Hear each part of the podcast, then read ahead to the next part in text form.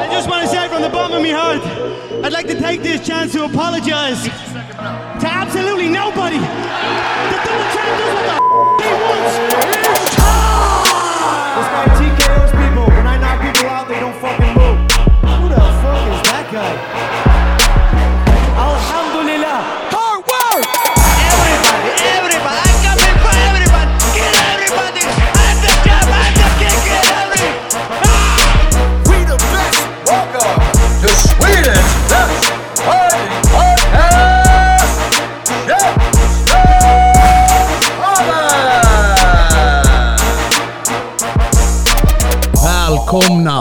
Käftsmällspodden, en podcast om fighting med mig Seb Sebba.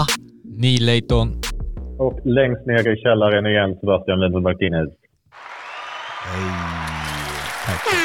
Hur mår du Sebastian? Knät, du har haft en operation. Hur har det gått? Ja, eh, trots vad man kan tro med tanke på den överfeta Spielberg-regisserade trailern på ihopslagningen av Chessmanspodden Frontkick och uh, Maximum Sports så vad ni inte såg mellan tagningar där är att jag hoppade på ett ben tillbaka till kryckor eftersom min menisk gick av eh, för lite över en vecka sedan. Så jag var opererades igår eh, i Trelleborg. De var fantastiska och eh, fan mitt knä... Eh, alltså, jag ska inte ta ut någonting på förhand. Ta i trä, men alltså, jag känner som jag har en 25-årig vänsterknä. Men var det massa spinning eh, backkicks och grejer, eller vad, vad hände? Alltså, jag önskar jag kunde ta någon ta cred för någonting lite coolare. Jag, alltså, det verkar vara lite bara återkommande grejer som hänt under de senaste typ två åren. Jag vet att jag var på ett sparringspass på Redline som var ganska intensivt och jag fick lite av en knäskada där, men det var ingenting så jätteallvarligt kände jag. Och sen så har det varit lite småsaker här och där där typ jag fått ont i knät. Det var någon, någon gång när jag tränade med grabbarna här i Malmö också, typ illa så vissa av dem. Och så typ skulle jag köra en sparkgrej och typ hände någonting snett med knät. Men igen, det var en sån där typ, äh, jag kan halta lite ifrån och det kändes bättre dagen efter, bara lite ömt. Så jag tog inte det på så mycket allvar. Så jag tror det mest bara var flera små saker som lades ihop. Och sen så bara halkade jag på gården när jag kom tillbaka från USA med resväskorna. Det var blött och regnigt ute. Och så vred knät och jag visste redan på ljudet att det var allvarligt. Och sen så kom smärtan och då visste jag definitivt att det var allvarligt. Så, så med andra ord, du fick den här cursen, knäkursen som har härjat här förra, för hela hösten och, och nu vinter. Ja, den spred sig till. Hey, det är jag, det är Panni, det är Alexander Löf, det är vadå, Theodor Berggren, det är David Jakobsson. Alla har fuckat sina knän. Så ja, det är knäkursen utan Vad, har vi för lösning på det Neil? Vi har pratat om det. Ja, exakt. Herregud. Styrketräning please. Squats. Så, så nu förväntar vi oss många bilder och, och klipp på, på Sebastian när han gymmar lite Conor-isk sådär. Och Ja, bara, och ni, ni ska få alla sådär gym first traps från mig. Alla sådana booty pics ska ni få. Vad härligt. Eh, vi ska ju prata om den tröttaste UFC-galan på väldigt länge. Eh, UFC Fight Night, Lewis vs Spivak. Eh, och eh, det var ju som vi pratade lite innan här, den här galan var ju inte ämnad att vara i Vegas som den är nu, eller hur? Men den var ju eh, ämnad att vara i Korea och The Korean Zombie skulle ju headlina den här. Men hans framtid är lite osäker. Uh, lutar mot pension och helt ärligt så som det såg ut senast så kan det nog vara en bra idé. Men ja, det är därför det är konstiga starttider. Det är därför liksom underkortet börjar där huvudkortet vanligtvis hade, det vill säga fyra på morgonen. Huvudkortet börjar sju på morgonen. Och det är därför det är en liksom, överrepresentation av koreanska fighters. Det, ja, detta skulle vara för Korea. Så alla som tycker att det är lite konstigt, liksom okej, varför är det två tredjedelar av kortet som jag aldrig hört talas om? Varför det är konstiga starttider? Nu vet vi. Ja. Är det någon som... Inofficiell eh, i Korea. Tror du att det här är en eh, superhypad event? Är det någon som verkligen ser upp till det här? Jag kollar på... Koreaner gör väl det? Det här är för hardcore fans tror jag. Så det här är... Det här ja, det, det är det verkligen. Det, det är, hur säger vi? Alltså det är finaler för eh, det här Road to UFC. Så de finalerna är ju på det här kortet för de som har följt det här då, Road to UFC. Och det har ju varit Asi Asiens eh, Road to UFC. Det var väl där uh, Knutsson var och, och testade också, var det inte? Eller hon skulle, hur var det? Har du koll på Ja, det? precis. Hon mötte faktiskt en korean i, Mm. i Road to UFC. Så, men ja, så, hennes viktklass Alltså, hon gick inte en del av turneringen, Knutsson, då. Hon gick liksom en one-off Mm. eh, på något sätt. Så.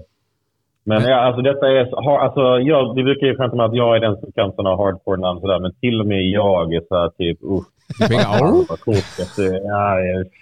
Men eh, själva huvudmatchen då, i den här, Derek Lewis mot Sergej Spivak. Vad eh, tycker vi om den här? Ja, alltså Matchen jag, som alla skrek efter. Va? Matchen som alla sa ej, den måste bokas om. Alltså, Derek har ju alltså inte sett ut som Derek of the old days. Eh, jag tror att han, han, han får bra paycheck liksom. Han, han, han vet vad han är bra på och vad han är dålig på. Det vet också motståndarna också. Eh, Derek är alltid farlig stående. Ja, fast han blev dominerad eh, senaste fighten. Precis, men han har ju fortfarande punching power liksom. Eh, nu möter han ju en kille som kanske inte har den, den, den liksom hårdaste punching power, men han är väldigt smart. Eh, vet hur han ska hantera en motståndare som Derek Lewis. Det är egentligen att ta ner honom, ligga på topp och ground and pounda. Vilket han har gjort i sina senaste matcher. Eh, Kommer från två vinster också. Precis, lyckas han göra det så tror jag att han vinner. Lyckas han inte göra det så är den här risken alltid om de här stora smällarna liksom kommer och, och söver honom. Vad tycker du Seb? Så ska vi bara undvika det här med Derek Lewis uh, Beach 2023? Ja. Alltså, ska vi sticka... Ey, Kom, kommer, det, är- kommer det göra någon skillnad? Ah, förmodligen inte. Eller men kommer han eh, se ut sådär? Exakt, var, var, det var det Photoshop? Alltså det han har Filter. kontinuerligt, liksom, eh, kontinuerligt laddat upp ganska mycket bilder på sin, uh, sin så här fitnessresa. Så Mm. Jag tror att detta, det är en bra grej, men helt ärligt, jag tror det kommer lite för sent. Han Mm. är 37, vilket, okej, i tungviktsår är inte det katastrof, men det är långt ifrån liksom, tungviktsprime om man inte är typ DC som kom in i sitt prime ungefär vid den tiden. Men jag tycker vi har sett att, att Lewis inte riktigt gör det. Det är värt att säga också att ey, de man har förlorat mot, Sergej Pavlovic är kanske den läskigaste killen i tungviktsdivisionen just nu. En förlust mot honom är inte fy skam. Och innan dess, Taito Ivasa, som ey, visade sig vara mycket bättre än vad jag tror många av oss ville tro. Men, alltså, och jag menar, ey, hans mest imponerande seger på senaste tiden, Curtis Blades ändå, fast det där känns fortfarande lite, alltså jag vill inte ta någonting ifrån Lewis, men nio gånger av tio så ska Curtis Blades vinna den matchen. Mm. Med, med den, de skillsen som han har så ska han kunna brotta sönder Derek Lewis. Och sen så kanske han blir för bekväm på fötterna. Men- Visst, det var Lewis som liksom tog vara på det tillfället. Men jag, alltså, för att summera det lite kortare. Jag lutar mot, mot Spivak. Det känns som att han har verktygen som krävs egentligen. Vi vet att det finns en tydlig väg till seger mot Lewis på marken. Och eh, jag menar, Sergej Spivak, han har sex vinster på submission. Alltså 40 procent av hans vinster är på submission. Så han kan göra det. Vadå? Han har låst ut Taito Vasa ganska enkelt. Liksom. Jag, jag, jag kan definitivt se han göra det här också. Och han är ju, alltså på, på, har ju kommit från två vinster som Neil berättade här. Eh, där det just har avslutats att han har tagit ner och legat på topp och, och hamrat. Eh, men tror vi att Derek Lewis här, nya framen då, kommer göra att han kanske är lite mer rörlig när han ligger på rygg, orkar ta sig upp, orkar det här när han bara ställer sig rakt upp. Nu har han inte en massa extra vikt på sig själv heller utan att det, det kan vara lite några procent enklare. Och, och Men, men jag, jag, jag kollade lite kommentarer om så här innan. Alltså det, där, det finns ju lite det här att eh, folk kan lägga upp schyssta bilder och sen fight day. Eller det räcker ju bara några veckor där du skiter i din diet och sen är du back. Speciellt när du är så här stor kille. Eh, Så jag har ju sett tidigare fighter som liksom postade dem ser jävligt rippade ut och sen kommer de in i fighten. Jag tänker på, vad heter han, jag tror det var Nick Diaz som innan hans senaste fight, då hade han också typ sixpack och grejer. Sen kom han in och såg ju för jävligt. Men eh, Jag jag... såg ut som han hade gått på cheeseburgare-dieten. Ja, exakt. Eh, det är en slippery slope när de väl börjar äta. Eh, men eh, jag tror, men vad tycker vi om Derry Lewis allmänt liksom? Alltså är det här en, eh, det är ingen top contender direkt? Nej, inte, inte längre. Alltså, han hade ju sitt, sitt flyt där ett tag då han var på en streak och liksom knockade folk höger och vänster och, och man tyck, visste verkligen det här är the beast. Liksom. Får en träff på dig så sover du. Och därefter så nådde han fame and fortune och sen har det gått neråt. Ja. Eh, och jag tror att han är, hur säger vi, han är inte så allround. Jag tror att många vet vad han är dålig på och eh, det gäller att, att vara försiktig. Och Han är omtyckt för han är en, han är en skön person. han är skön karaktär, precis. Alltså he- helt ärligt, han, om, av alla sådana fighters som hade kunnat sådär, ha en framtid i stand-up, han har så en komisk timing som är rakt av naturlig. Liksom. Men jag, jag tror att Sebbe var inne på något väldigt mycket alltså, riktigt här. Om vi ska vara ärliga, det finns liksom ett väldigt stort men i alla Derek Lewis bästa vinster. Liksom Curtis Blades, det där var nästan en Blade som lutar in i en uppercut. Eh, eller uppercut. Innan dess, Ilir Latifi, är det många, inklusive jag, som tyckte Ilir vann den matchen. Eh, lite kontroversiellt domslut. Innan dess, mest imponerande vinsten, Alexander Volkov. Vi minns alla där, Volkov höll på att dominera den matchen i två ronder och fyra minuter, någonting sånt. Och sen så sista 30 sekunderna blev han träffad. Innan dess, Francis Ngannou, kan man kalla det en vinst? Jag tycker alla förlorade. Men ja, ni fattar kontentan här. Att liksom varje gång som Lewis har lyckats med någonting väldigt imponerande så finns det så stora män som tar ifrån vinsten i sig. Eh, och jag liksom, en, en, att han knockade Chris Daukas i första ronden. Alltså, jag menar, om min farmor möter Chris Daukas, jag ger henne en 50% chans. Chris Daukas är kanske den sämsta killen i tungvikt just nu. Så alltså det, jag tycker inte det finns något jätteimponerande. Men Spivak, har jag mött lika liksom sådär, toppmotstånd? Nej, men jag tycker hans prestationer är ganska talande i sig. Liksom, Augustus Sakai, inte en world beater, men en kille som en vinst mot honom betyder någonting. Greg Hardy, alltså långt ifrån en toppfighter, men en kille som är alltid farlig första ronden och Spivak neutraliserade den faran ganska tidigt och tydligt. Innan dess, uh, Alexei Olenik är, Olenik är lite klurig för vem som helst och Spivak gick tre ronder och, och vann uh, varenda rond om jag minns rätt. Så alltså, jag tycker det är snarare kontentan av Spivaks liksom, prestationer i helhet som visar att han håller en jämn nivå. Liksom, jag tycker inte, det finns inte jättemycket att ifrågasätta. En, en förlust mot Tom Aspinall som är kanske den mest underskattade killen i divisionen, det kan man ta med en nypa salt också. Så jag, jag tycker i helheten när man kollar prestation till prestation, Spivak är den som har imponerat mer egentligen, även om namnen i sig är mindre. Mm, och det är också den yngre fighten. Um, och som liksom nu börjar komma till main event och liksom börjar headlina. Så det ger ju en liten ny eld i han också säkert. Eh, en rolig grej är ju att eh, Spivak har ju mött, eh, jag vet inte nu om han fortfarande är det, men han har mött Travis Fulton som är den fighten med mest fighter. Eh, jag tror han har 245-50 record, något sånt där. Intressant. 250 55! Nej, förlåt, förlåt. 257 vinster, 55 förluster, 10 oavgjort. Det Det är det, är flera matcher i månaden. Där har vi aktiv. aktiv. Kommer Bark hamna där en dag? Eller hur? Men, Ja, jag eh, hoppas inte egentligen för att eh, så, så, om man kollar på Fultons stats, eh, liksom, ja, det är, Nej, det- det är inget bra. höjdare men eh, är vi klara med huvudmatchen? Vad tror ni? Om vi kommer till det. Vad är predictions? Neil? Jag tror, eh, jag, jag vill säga, jag vill köra Lewis. Eh, Jag gör det mer för att jag gillar personligheten och eh, alltså, jag, jag tror att det är bra för, jag, jag tror att UFC vill att Lewis vinner.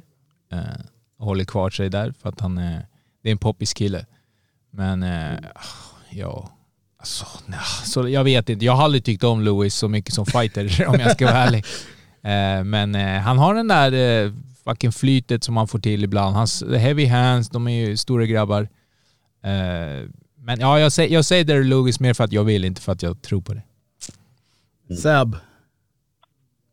Ja, jag lutar mot Spivak. Jag, liksom en ung frisk fläkt i divisionen. Som, det, känns som att han börjar hitta sitt flyt, hitta sin... Sådär. Alltså, många gånger kan det ta lite yngre fighters tid att liksom hitta deras kropp som fighter.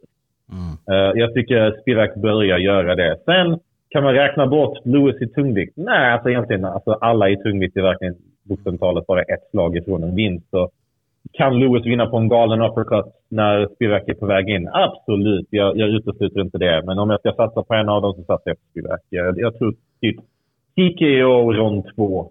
Mm, jag håller med dig faktiskt. Eh, Hur mycket en hjärtat vill Derek Lewis för att han är en skön karaktär. Man vill se han göra krokodilen där liksom.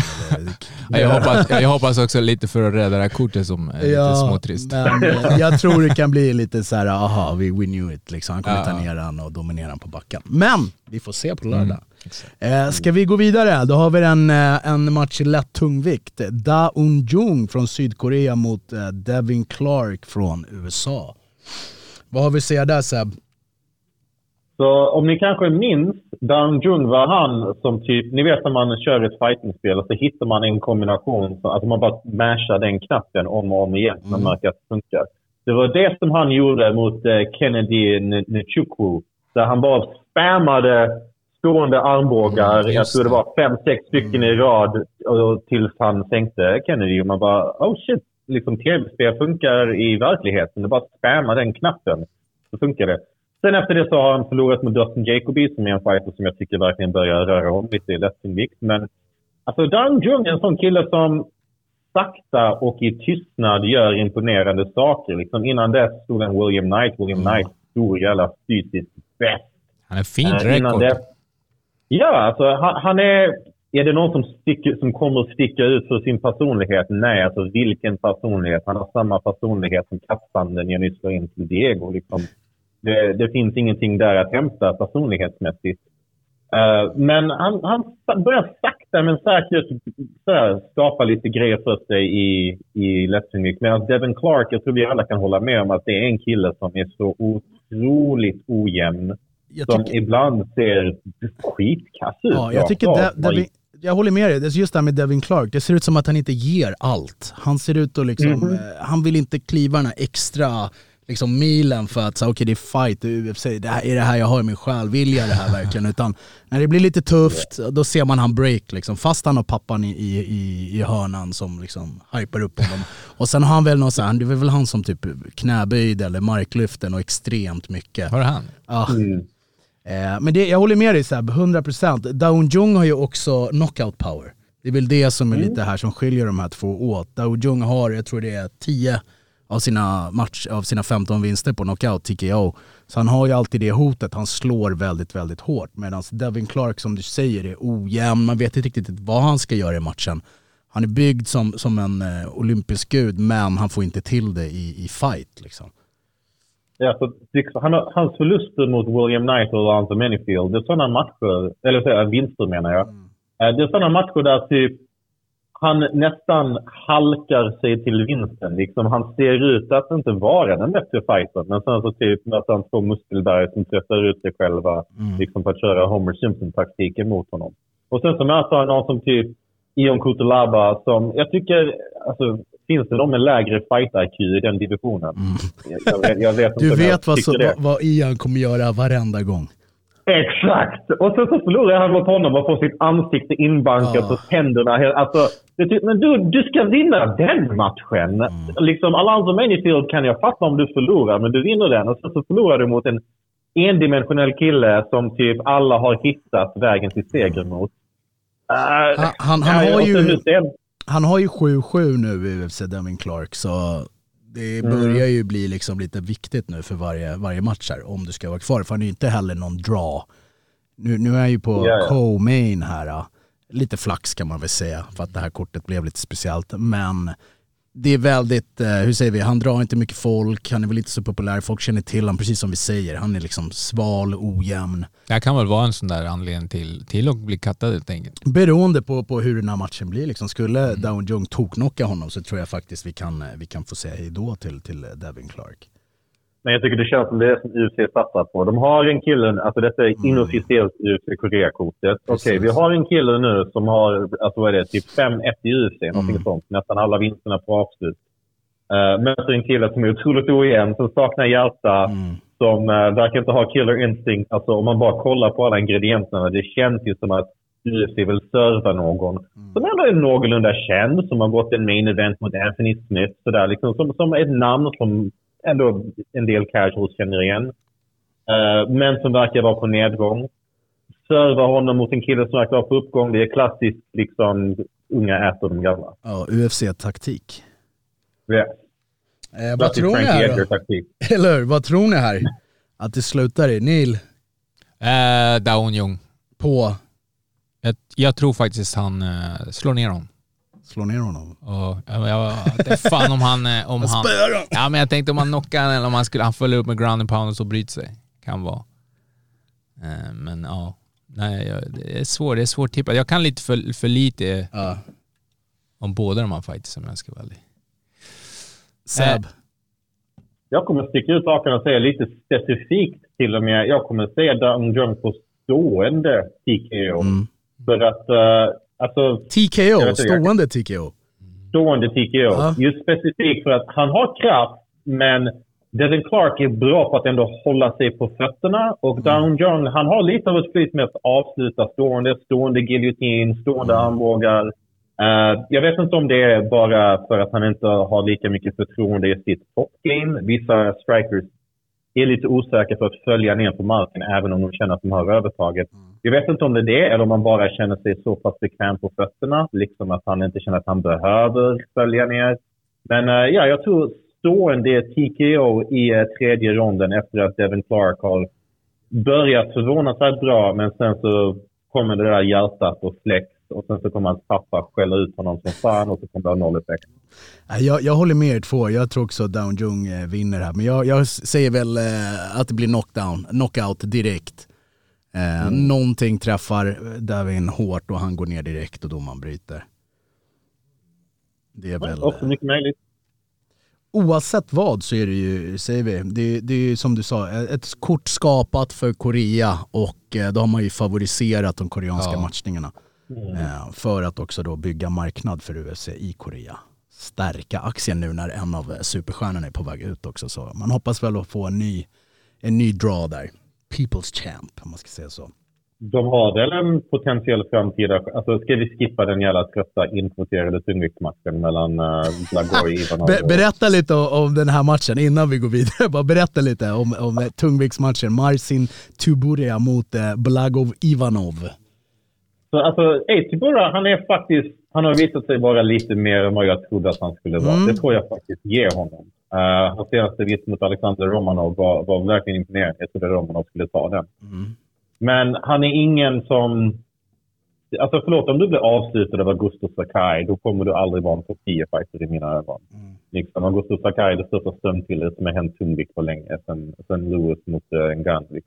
Mm. Uh, börjar hitta flytet lite grann? Ja, sure. Liksom. Men ja, alltså, hitta flytet till 37, jag ger det liksom samma som Derek Lewis uh, fysiska transformation vid 37.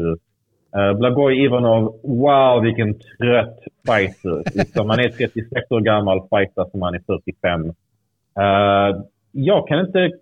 Nej, vet, alltså, han är fan det tråkigaste som har hänt. Blagoj Ivanov. Alltså, du har typ, min, det, min, nummer ett och nummer två är tråkigaste.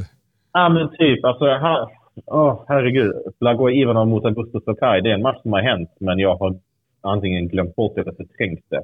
För att det måste varit den tråkigaste skiten i världshistorien. Uh, Blagoj Ivanov får gärna lämna ut sig. Jag tycker inte han är underhållande för fem öre. Han har inte avslutat, alltså varken i vinst eller förlust. Inga avslut på hans typ, det är, åtta UFC-matcher. Man glömmer bort att han finns. Han är inte bara där i toppen av någon bisarr anledning. Jag fattar inte varför han har en hög ranking. Han har inte åstadkommit något imponerande. Uh, jättetråkig match. Jag kunde inte bry mig mindre. Uh, Men, men är det det här att, liksom som vi, som är, alltså, som vi tycker, det är väl allmänt känt att UFCs tungviktsdivision är så pass svag att liksom en person som Ivanov kan stanna kvar där fast han inte liksom levererar. Eh, Men de behöver folk. Så då har de Mm. valt att liksom ha kvar någon, honom där. Det är som att typ UFC, de har en bra, typ, jag skulle inte ens säga topp fem. Jag vet inte ens om jag håller med det där. Typ en bra topp tre, topp fyra Mm. och så resten är liksom, uh, alltså det är sånt som man fyller ut kartongen med. Liksom, Mm. Som tidningspapper som man uh, ser till så att liksom, paketet sitter tajt. Det Det är ju, typ så, ja verkligen. Det är en jättesvag division. Mm. Det, det är ett stort behov av nytt blod tycker jag. Och liksom Romanov, han, han halkade lite där på vägen upp till topp 10. Eh, ja, det, det, jag tror det kommer ta ett tag innan vi ser någon, några, en stor förändring i divisionen. Men eliten är ju åtminstone intressant. Vi har Gunn mot Jones. Precis. är ganska trött i detta läget. Sergej Pavlovic är, är kanske det mest spännande som har hänt på länge. mm. Och sen så hoppas vi på att Tom Aspinall kan komma tillbaka från knäskadan så han kan uh, vara lite relevant igen. Men annars, alltså, ja, herregud. Alltså, Jalton Almeida, visst, han är lite av en frisk fläkt där, men alltså, vi har ju liksom Chris Daukos som är en luffare på elfte plats. Jairzinho, världens mest endimensionella kille på nionde plats. Alltså att Jairzinho är rankad topp 10, det säger lite grann. verkligen. Och alltså Ivanov är väl egentligen känd för att han kan ta alltså, kopiösa mängder stryk. Det är väl lite Han blev knivhuggen i hjärtat och överlevde. Ja, exakt. Han, han Ni liksom, som inte vet, kolla upp den storyn. Det är sjukt. Alltså, alla trodde han skulle vara död, läk inklusive läkarna. Liksom, typ, nej, nej, han kommer inte klara detta. Han överlevde knivhugg i hjärtat. Precis, och det är väl det kanske som är. Han är en, han är en hård, hård bulgar som kan ta kopiösa mängder stryk. Om han vinner så gör han det på decision, om han förlorar så gör han det på decision. Eh, lite så. Men alltså, eh, jag kollade på nästa fight också. Och de här killarna... Mm. Ska vi strunta i vad vi tror här? Jag, jag, Ja, alltså jag, jag, tr- jag tror att, eh, för det var det jag tänkte påpeka när jag kollade på nästa fight. Det är att båda kommer efter inte så superbra records, någon av dem. Mm. En har typ tre raka förluster, en har två eller något sånt där. Eh, alltså, vad heter han? Dodo Choi mot Kyle Nelson. Mm. Jag börjar fråga mig nu, alltså, vad fan tänkte de när de satte ihop det här kortet? Alltså, det är ju, alltså, det är ju Korea. ja. Choi är ju från Korea, de tänker ah, ja det här är väl kanske hans sista chans på kontraktet då, vi kastar in han. Han var ju lite av, av så här upphypad när han, eh, när han kom till UFC kommer jag ihåg. Oh ja, han vann sina första tre UFC-matcher på knockout i första ronden. En av dem på 18 sekunder. Och sen så gick han den där klassiska Hall of Fame-matchen mot Cub Swanson. Mm. Det är ju det, han har ju, visst, han har ju han blivit matchad rätt så tufft liksom efter de tre där. Mm. Så jag tror att UFC kanske investerade lite för mycket man. Det var Cub Swanson, Jeremy Stevens och Charles Jordan. Så det är liksom bra namn, etablerade namn han fick möta därefter. De kanske slängde in lite för djupt från Det är början. det, precis. Och då tror jag Ja. man förstod att okej, det funkar mot sämre motstånd på leveln. Liksom. Då, då är du bra, men du behöver också få, hur säger vi, bli lite varm i kläderna i UFC, att du behöver matcha dig mot, eh, mot toppen direkt. Ehm, så det här är väl också en lite make it or break it fight för honom. Kyle Nelson från Kanada eh, liksom ringer noll klockor, inget Ta en shot varje gång någon av oss säger det om detta matchkortet. Det här var svårt eh, faktiskt matchkort att, att motivera sig för. att surra.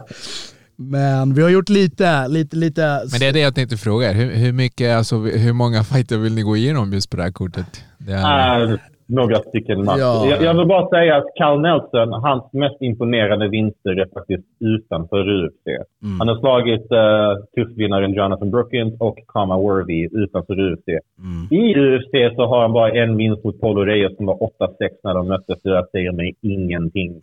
Eh, av den anledningen specifikt tror jag att Duho Choi, både i vinst och förlust, han har mött bättre killar. Jag tycker även i förlusterna, han har gjort bättre av sig. Alltså helt ärligt, han var inte långt ifrån att vinna mot. Eh, ha- ha- tog han vatten över huvudet eller matchades han för hårt för tidigt? Ja, det, det tror jag. Det tror jag definitivt. Men detta känns som rätt motståndare att liksom hamna tillbaka i vinstklubben igen. Han kallas Korean Superboy. Mm. UFC ser potential där. Jag tror att de har matchat honom smart. Liksom för att sätta honom mot någon som de känner att han har en bra chans mot. Så Duho Choi av rent UFC-anledningar i matchmaking. Eh, vi har ju, så nu kommer vi ner till de här, jag tror det är en till på, på main card där, sen kommer ju de här finalerna och folk som har varit med i Road to UFC. Och här har vi en av de matcherna, det är, nu är det helt plötsligt Japan som ska vara med här. Japan mot USA, så det är eh, Yusako Kinoshita mot Adam Fugget. Eh, det vi kan se här är att, eller det, ja, det här namnet Kinoshita har varit lite på raden. Jag, fått, jag tror att det är Grabacka Hitman eller något skrev lite om det. Han är en jättebra grappler. Eh, jag har för mig att han brottas för, för japanska landslaget också i brottning. Eh, Jättebra Han är grappling. ganska hypad. Alltså, Precis. Contender Series gjorde han bra i också. Exakt. Eh, så jättebra, säger vi, Conte- alltså grappler, det är väl det han är. Eh, haft lite, lite bra tur på fötterna också. Eh, förutom det så kan man inte så mycket. Och nu möter han eh, Adam Fugget som eh, inte säger mig heller så mycket. Liksom. Det, det är lite namn Hans efternamn säger väl eh, intresset av eh, galan. Ja, Fugget. exakt. Det, det vi ska ju komma till det sen, vi ska ju gå igenom Bellator också. Och, eh, Bellator har ju den här helgen det bättre kortet. Så det blir mycket roligare att prata om det kortet sen. Ja, här hoppas jag på Japan. Jag hoppas vi får se någon nå, nå rolig submission. Och, eh, Ja, det är väl typ det Men han hade ändå ganska spritt record, typ eh, punches, knee, Mm. grappling. Nej, men han är, han är har hypad, lite han ska vara allround, men just grapplingen är, är det här liksom som är hans eh. Intressant fakta. Hans enda förlust är på diskvalificering. Mm. Så då är han Grabbing the cage. Precis, och jag tror att, det Jävligt var, och jag tror att det, den situationen var att han grabbade the cage medan han slog någon. Eh, så det är lite... Ja, så det var ett så här stoppa nedtag. Jag, jag såg mig att det var Exakt. någonting i den stilen. Liksom. Precis, så han höll i buren med ena handen när han matade personen under, något sånt där var det. Eh, och sen en liten så här, hur säger vi, små grejer som är värt att notera du, det är att eh, eh, vi har en kille här från Indien eh, och det är väl den första Indien tror jag i UFC. Anshul. Jubli, eller? Har vi haft Vi den har- innan? Det har funnits en innan. Han floppade hårt. Jag tror han Ja. förlorade tre, tre i rad. Men så är ingen... Indien, alltså det är ju en marknad som inte bara UFC, men alltså Brave jagar den Precis. marknaden. Det är många som vill in på den marknaden just för att snacka till... Ja, jag vet inte hur många män mellan typ demografin sådär 18 till Mm. 34, men vi snackar väl vadå, 500 miljoner någonting sånt. Liksom. Precis. Så ingen hemlighet att UFC vill få fram en indisk stjärna, men det inte riktigt gått. Att de har inte riktigt den traditionen och den historien av liksom renodlad MMA. Ehm, jag kan säga, jag kan uh, ingenting om den här killen för att vara helt ärlig. Eh, det är så svårt med killar från Indien. Man kan höra att de är sjukt hypade och sen så händer det inte så mycket. Jag har ju själv kommenterat väldigt många hypade amatörer i IMA. Mm. Indien, eh, de, de levererar inte de resultaten som ett land med den befolkningen typ borde göra. Ehm, det, det finns mycket arbete kvar att göra. För, där. för, för lite mat. För lite knäböj. Nej, men det, jag tror också att de har ingen tradition av kampsport liksom. De varken brottas eller boxas eller något. Så det är väl... eh, De, de ligger väldigt mycket efter i infrastruktur Precis. och... Cricket. Allting går på cricket. Ja, Exakt. Cricket, cricket. Eh, ja, eh, och han möter ju en kille från Indonesien, eh, Jekka Saragi, som eh, av vad jag hört, jag har inte sett något, men jag har hört att han ändå är alltså, rätt så well-rounded. Han har bra brottning, han ska ha bra striking eh, och han är ju favorit här. Eh, Och sen tycker jag att resten av kortet ser ut lite som ett så här One FC-kort. Det, är- det är sydasiatiska länder som möter varann. Eh, inga riktiga namn som liksom sticker ut. Eh, vi har en kille som eh, går andra matchen på kvällen som också var lite hypad när han kom in i UFC. Det är Jo Jong Park. Eh, som är, han har väl det roligaste nicknamet, vad är det? Det är väl Iron Turtle. Ja. Järn, äh, järnsköldpaddan. Järnsköldpaddan. Precis. Eh, men- kommer från två vinster dessutom, så det är ändå skumt att han får vara så pass lågt på kortet. Nej, men Jag det, tycker alltså, det är skumt att, att eh, den kanske mest hypade talangen enligt mig, den som är mest värd att hålla ögonen på av hela matchkortet, går första matchen på Mm. kortet. Det är obesegrade japanska flygviktaren Tatsuro Taira. Mm. 2-0 i UFC. Eh, 10 och 12 vinster på avslut. Nästan alla de i första ronden. Ni lägger han som Mm. öppningsmatch. Förlåt, är inte detta killen ni ska hypa upp? Jag fattar inte hur de gör. Och så har de den skräptungviktsmatchen Ja. som typ tredje sist. Alltså förlåt, men alltså vilken jävla praktikant satte ihop detta matchkort. Det, men jag, alltså jag vet ju att i Asien så är det ju tradition så här, i alla fall i Japan, att så här, första matchen lägger tonen för resten av galan. Så de hoppas väl här att så, okej, vi sätter den här supermatchen här. Här möter, vem är det han möter här? Jesus En bra Aguilar. mäktare. Ja, tuff mexare. Han bara, det här kan bli fireworks. Förhoppningsvis ser alla andra som står och väntar i omklädningsrummet och liksom, de lägger standarden för galan så att folk fortsätter kolla på det här. Så att det inte blir att så här, oj, vi tappar viewers här. Eh, bara en liten sån här grej, man vet aldrig. men alltså, sådana här kort kan ju vara ändå spännande för att... Man, man typ slötittar och så är det en sån här kort där de har chansen att sticka ut. Precis. För då, då kommer du sticka ut mer liksom. Eh, Så jag hoppas att de eh, tar chansen och vi får se några framtida löften. Nej, det är väl det, vi har väl summerat det här kortet rätt bra tycker jag. Känner du att det är något som är osagt Seb? Nej, alltså, ja. Uh, One FC Vegas. Uh, det, uh, Apex One FC. Vegas. Ja. Uh, ja, alltså jag kan väl förstå poängen av att försöka satsa på Korea. Det, det finns väl en marknad där att gräva fram. Det finns talang och potential. Men uh, det känns som ett par snedsteg i matchmakingen här. Alltså, jag, jag tycker att man hade kunnat göra detta kortet lite bättre. Detta är UFCs typ då, tredje gala i år. Mm. Och typ redan tre galor in ser man så här liksom Precis. matchmaking. Jag tycker, det, Ehm, jag tycker det är skitskumt alltså hur UFC har skött allmänt nu typ senaste månaden. Med hela den här släpen och... Vet du hur det... jag- Damage control. Jaha. Men alltså sen hela, hela jag tycker, vad heter det, Islam hade klagat på att eh, han tyckte att de inte hade promotat. Ja, men det håller jag med. Det har inte varit så, det är bara några veckor ut liksom. Och Ja. det har inte varit någon eh, alltså, hype kring den matchen som de, man skulle förväntat sig. Det är ändå champ mot champ. Är det för att Dana spöar sin donna? Är det därför? Ja, ingen aning, jag kanske har fullt upp det här slapboxing eller power slap vad det heter. Och Som bara han tittar på? Ja, alltså det är mycket, mycket som händer. Alltså det är, jag, jag tycker också det här är ett väldigt svagt kort alltså för att vara UFC. Alltså enormt svagt. Eh, Men det, det, känns som att de försöker rädda det här brinnande skeppet med power slap. Jag, jag la faktiskt upp en story om detta i Mm. morse. att Kollar man på UFCs Instagram, jag har faktiskt tagit bort, slutat följa dem för att det är så jävla mycket power slap. Jag är inte ja, så de använder sina kanaler för att promota... Ja, men alltså om vi kollar deras eh, nio senaste inlägg, UFCs Instagram då. En av de inläggen handlar om islam mot folk. Mm. Fyra handlar om power, nej, fem handlar om power slap. Så fem av de nio senaste inläggen power slap, ett av dem islam mot folk. Statistik, alltså siffror ljuger inte. Det är uppenbart, alltså de vill rädda det här brinnande skeppet istället för att satsa på det som faktiskt har gjort dem till det de är idag. Glöm power slap. Det var ett misslyckat experiment. Ingen tycker om det. Om Vad, vad tycker ni om det? Ni, har du sett det? Det Ni- är eh, inte kampsport, det är inte intressant, det är eh, typ som... Alltså, det är idiotiskt. Ja, det var Det- så det- jag kände när jag tittade på det. Det är, jag som, bara, det är som att se två polare du vet, göra så stupid shit Ja. som man gjorde när man var det är barn. lite såhär jackass-grej typ. Alltså, så. Ja. absolut. Och sen att promota det på det sättet de har gjort som att det här är nästa Sitta och kommentera om det big som grej. att det är så åh vilket bra defense. Bara, åh. Bara, alltså, det, där, det, där, det där är också... Och sen, och sen det absolut roligaste, det är kommentarerna. Precis, Det- efteråt som folk Det tycker. är typ ingen som gillar det här. Så jag så förstår inte varför... Och, och, och just det här liksom, alltså det är ju knockar i nästan varenda duell liksom. Så här, folk ligger där och får spasmer och vad är det de får? Två plus två. Ja, alltså det, det var exakt, det var något sånt där. Precis. Ehm, Och sen, alltså det roliga är att till och med, even when you win you lose. Du vet, Exakt. jag såg typ vinnarens face. Han hade såhär, två olika människor liksom.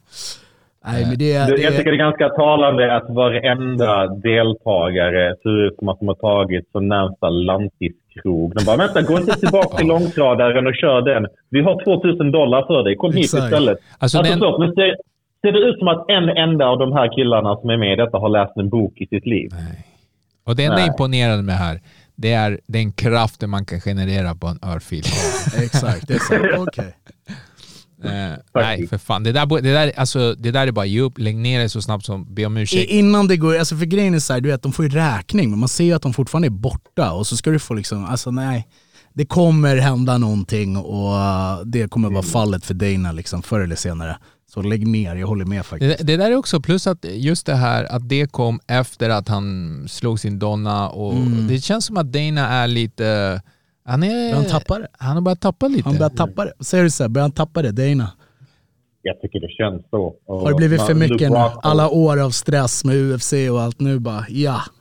Gå på, Han har på inget hår kvar att TRT. tappa, eller hur? Han kan inte tappa håret, Nej. nu tappar han humöret och sinnet Förståndet, istället. precis. Ja, eh, det känns lite så. Och jag menar helt ärligt, Luke Rockhold sa det. Han sa, alltså Luke Rockhold sa nyligen att liksom, "Ey, vi behöver inte Dana White egentligen. Och, alltså, ska vi vara ärliga, UFC är vid detta läget en väloljad maskin. Alltså, deras, deras anställda, de vet hur de ska sätta ihop allt det här.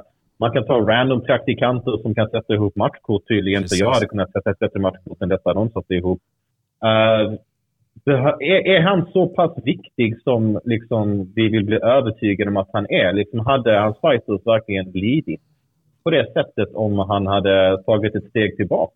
Alltså, jag, jag tror genuint inte det. Alltså, Hunter Campbell och liksom Mick Maynard, alla de gör ett jättebra jobb Precis. också i sig.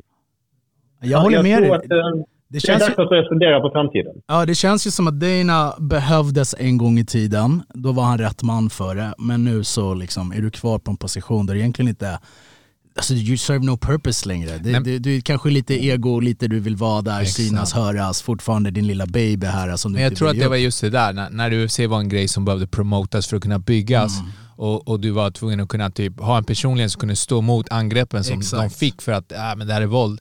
Då var Dana eh, bra, good, Mm. right guy for the job. Men nu är UFC typ rums, rumsrent. Ja, det, det är redan klart. Och då behöver du kanske en promoter som är mer eh, städad. Eh, Precis. liksom. Och med Endeavor bakom också. Det, liksom, det, Ja, absolut. det blir ju en, en, alltså när Dana är där, han gör ju lite vad han vill, han är lite cowboy. Alltså det är väl lite det som har tagit UFC till att bli det här, men jag menar, det behövdes under en viss tid, under en viss era. Nu så kan du step back, du är redan klar jag- generationer bakåt. Ja, jag tror just med en sån där grej som power slap, som Ah. är, i, i, liksom, om det misslyckas så är det bara svart och vitt. Det, det där förlorar du pengar på. Precis. Och det gillar inte business.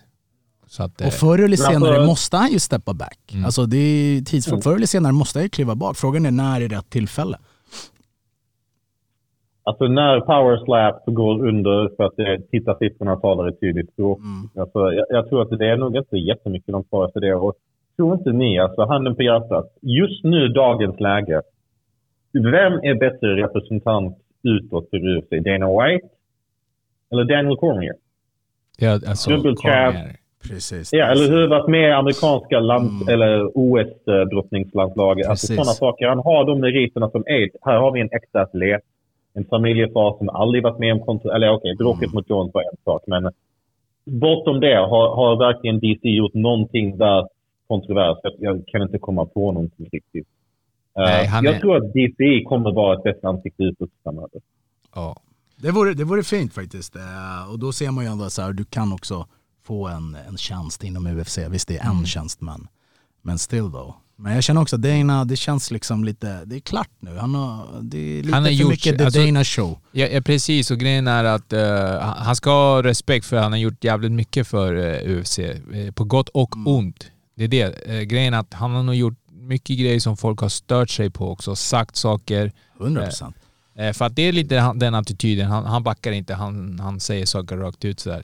Men eh, lite för många lögner, det ackumuleras. Lite för många gånger. Mm. Och sen, Nej. och sen vågade han ju också, men jag tänker nu under covid och det, att han ändå så här, vet du vad, jag, jag sticker ut hakan lite här. Cash is king. Jag hittar en lösning, vilket liksom räddade ändå, ändå sporten. Eh, I alla fall UFC lite där under den perioden. Men jag menar att han, han, eh, han är en speciell personlighet, men jag tycker också det, det är dags att liksom pass it on till någon som kan styra det här skeppet i rätt riktning. Men jag tycker också det, det är ett bra tänk på bra ledarskap. När du vet Precis. att nu är det dags att lämna Exakt. över till någon annan. Så att, bort med han. Ja, verkligen. Det är, alltså, cred till vad han gjorde under covid-tiden, verkligen. Alltså det, det ska jag inte säga någonting annat om. Men hans återkommande sätt att attackera media, bara för att de försöker göra sitt jobb. Det här jävla propagandapaketet som satte ihop efter liksom covid-grejen, där de tog saker helt ur kontext. Allt det som de anklagade media för, fake news och ni, och ni liksom cherrypickar ord och citat här och där. Exakt allt det de klagar om gjorde de i den här liksom, propagandaattacken mot media. Där de tog många journalister och reportrar som jag gillar och respekterar eh, och tog saker ur kontext från, när, från liksom, den här första galan som stängdes ner på Indi, äh, Indian Reservation. Liksom, medier snackar om detta och så tar de upp det som att de snackar, alltså de totalt missrepresenterar saker i en straight attack mot media när det enda media försöker göra är faktiskt liksom sitt jobb. Eh, de här sakerna stör mig faktiskt. Det, och speciellt nu vi har sett Bloody Elbow behövt stänga ner. Bloody Elbow, cred till dem för att de är en av få sidor som verkligen har pushat, alltså att utmana etablissemanget. Och ingen har gjort mer för fighterlöner att uppmärksamma det än Bloody Elbow, specifikt John S. Nash. Eh, Men är det inte UFC. Är inte UFC under, under eh, utredning också för monopolisering? Liksom, att de har eh, alltså gjort monopol av MMA eh, i USA Japp. först och främst. Att de har köpt upp organisationer, lagt ner liksom, för att vara the number one. Eh, och då har de ju helt plötsligt infinite power. Liksom. Ja men alltså det, det, det, de har skött det som många bolag. De, det är det de gör. Mm. Eh, det är inget nytt. It's called capitalism. Det är så det funkar. Eh, jag tror att det är bara enkelt sätt nu för UFC. Gör det av med Dana, sätt in Cormier som är mycket mer omtyckt. Du kan skylla de där dåliga grejerna på Dana då. Städa det liksom. Eh, Så att det, det, de vet, alltså, ja, UFC är så starka nu, det är superpopulär sport. Eh, det, det, det är ingen synd om någon liksom. We don't need you no more Dana. Ja. Eh, Okej, vi går vidare till eh, hur ska Oh vi kalla det? Ja. UFCs största konkurrens då beroende på vart i världen man Är bor. de det? Precis, men det är samma helg, samma dag. De gör debut på CBS, vilket är liksom linjär tv i USA. Alla kan tuna in och det är ju Bellator vi pratar om. Bellator 290 Bader versus Fedor Emelianenko, the last emperor 2. Det här är Fedors Sista. Oh, sista. Sista fight. Win or lose. Precis. Eh, Om en titel va? Eh, yes, om the heavyweight belch i eh, Bellator. Ehm, Jag vill, jag, jag, vill bara, Ja. jag vill bara nämna att eh, eh, det här blir Fedors sista fight. Och i publiken kommer Josh Barnett, Mark Coleman, Randy Couture, Henzo Gracie, Hoyce Gracie, Dan Henderson, Matt Hughes, Rampage Jackson, Chuck Liddell, Frank Shamrock, Shale Sonnen. Alla legends kommer vara, sitta i publiken och kolla på den här fighten. Ja, så det är väl lite ett, så här ett avskedsgrej för, för Bellator. Och hon, eh, vad heter hon nu, nu glömmer jag bort namnet, men The Pride Lady. Ska, Uh, Lynn Hart. Precis, ska vara, liksom annonsa namnen och så, så att det blir lite nostalgiskt för oss gamlingar som, Ja. som Va- va- följde eh, den här sporten Men det var det jag tänkte fråga. Så varför är det här? Var, varför är det här en big deal? Så, va- Det är Fedor, alltså arguably eh, the greatest uh, heavyweight ever to Mm. do it. Eh, the GOAT, liksom, eh, han är 47 år idag tror jag. Uh, fightas än idag och ändå ska gå med ett bälte. Mm. liksom, och det, det, han har ju lovat där såg jag på Ariel show att det här är sista matchen, det är över, han lägger ner. Han kommer fokusera på Team Fedor. Eh, men det är Fedor. Det är mystiken kring Fedor. Fedor är, säger vi, eh, UFC-campet mot Pride-campet. Jag har, min egen, jag har lite min egen tes eh, om det här. Jag tror att det här är liksom, det är lite för oss old schools eh, som gillade, som kom in lite på Pride, som, som på den goda tiden så att säga, var mer på Pride-sidan än på UFC. Det här är vår typ sista, liksom, det här var vår sista, det var the champ, det var våran GOAT. Och det är hans adjö. Och eh, det är slutet på en era helt enkelt. Eh, Precis. för jag tror att många nu, det är typ Fedor. Alltså- De vet inte vem det är. Exakt, Fedor. Det den där lilla, du menar den där ryska sambokillen som är lite halvtjock, ser inte supermotiverad Mm. ut. Eh, men nej, det är inte den Fedor jag har i mitt huvud.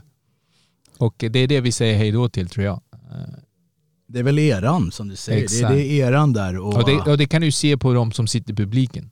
Precis, alltså, men det är ju också Scott Cooker. Han, han, är ju, han samarbetar med Rising Mm. som är Pride fast idag. Liksom. Han, han har ju, han, han är, för jag har ju to, liksom signat alla gamla Pride-fighters. Fortsätter matcha de här gamla eh, Fast enligt, honom, legenderna. fast enligt honom eh, när han snackade med Ariel så, Mm. sa, så sa han att de hade bett, de hade eh, kontaktat honom om, om Mm. att få sitta där. Ja, alltså Fedor, jag tror att alla de här, eller inte alla, men några av de här har ju matchat med Fedor. Eh, resten är väl från samma era. Så eh, det är väl riktigt fint att de är där och liksom, eh, alltså man skulle vilja att UFC kanske gör detsamma mot sina legender när de väl liksom är, väljer att gå sin sista fight.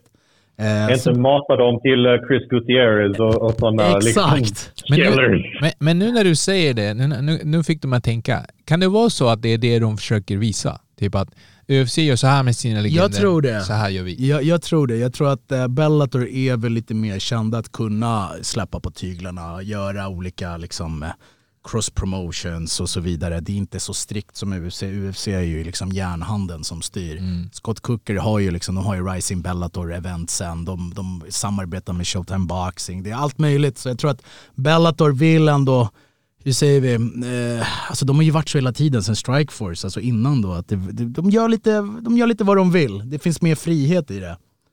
Eh, vilket jag tycker är, är på ett sätt väldigt positivt. Seb, vad säger du? Fedor, vad har han Ja. betytt för dig? Alltså till alla den här jävla unga generationen som står, lägg ner mobilen och sluta med TikTok-dansen och lyssna lite nu istället. Alltså detta var en kille som, han var en av de första sådär livslevande MMA-filmerna som fanns. Mm. Liksom, han var liten och knubbig för tungvikt. Liksom, alla tyckte han borde egentligen flytta ner i viktklass. Eh, kom ut, var, var så stoisk som man bara kan bli. Men i, i match så är det som att han försöker döda dem. Liksom när han blir slammad på huvudet Ja. där av uh, Kevin Randleman. Jag trodde vi alltså typ shit, detta är ett dödsfall. Men den matchen, alltså vad, vad folk glömmer, den matchen är bara en och en halv minut lång. Och Theodor vinner på Kimura. 1.33 i den matchen. Alltså jag hade fått för mig att den matchen var mycket längre. Att han fick kämpa emot och sådär. Men nej, alltså egentligen det finns inga sådär, visst han har ett TKO på ett ganska kontroversiellt cut som han fick i sin femte match.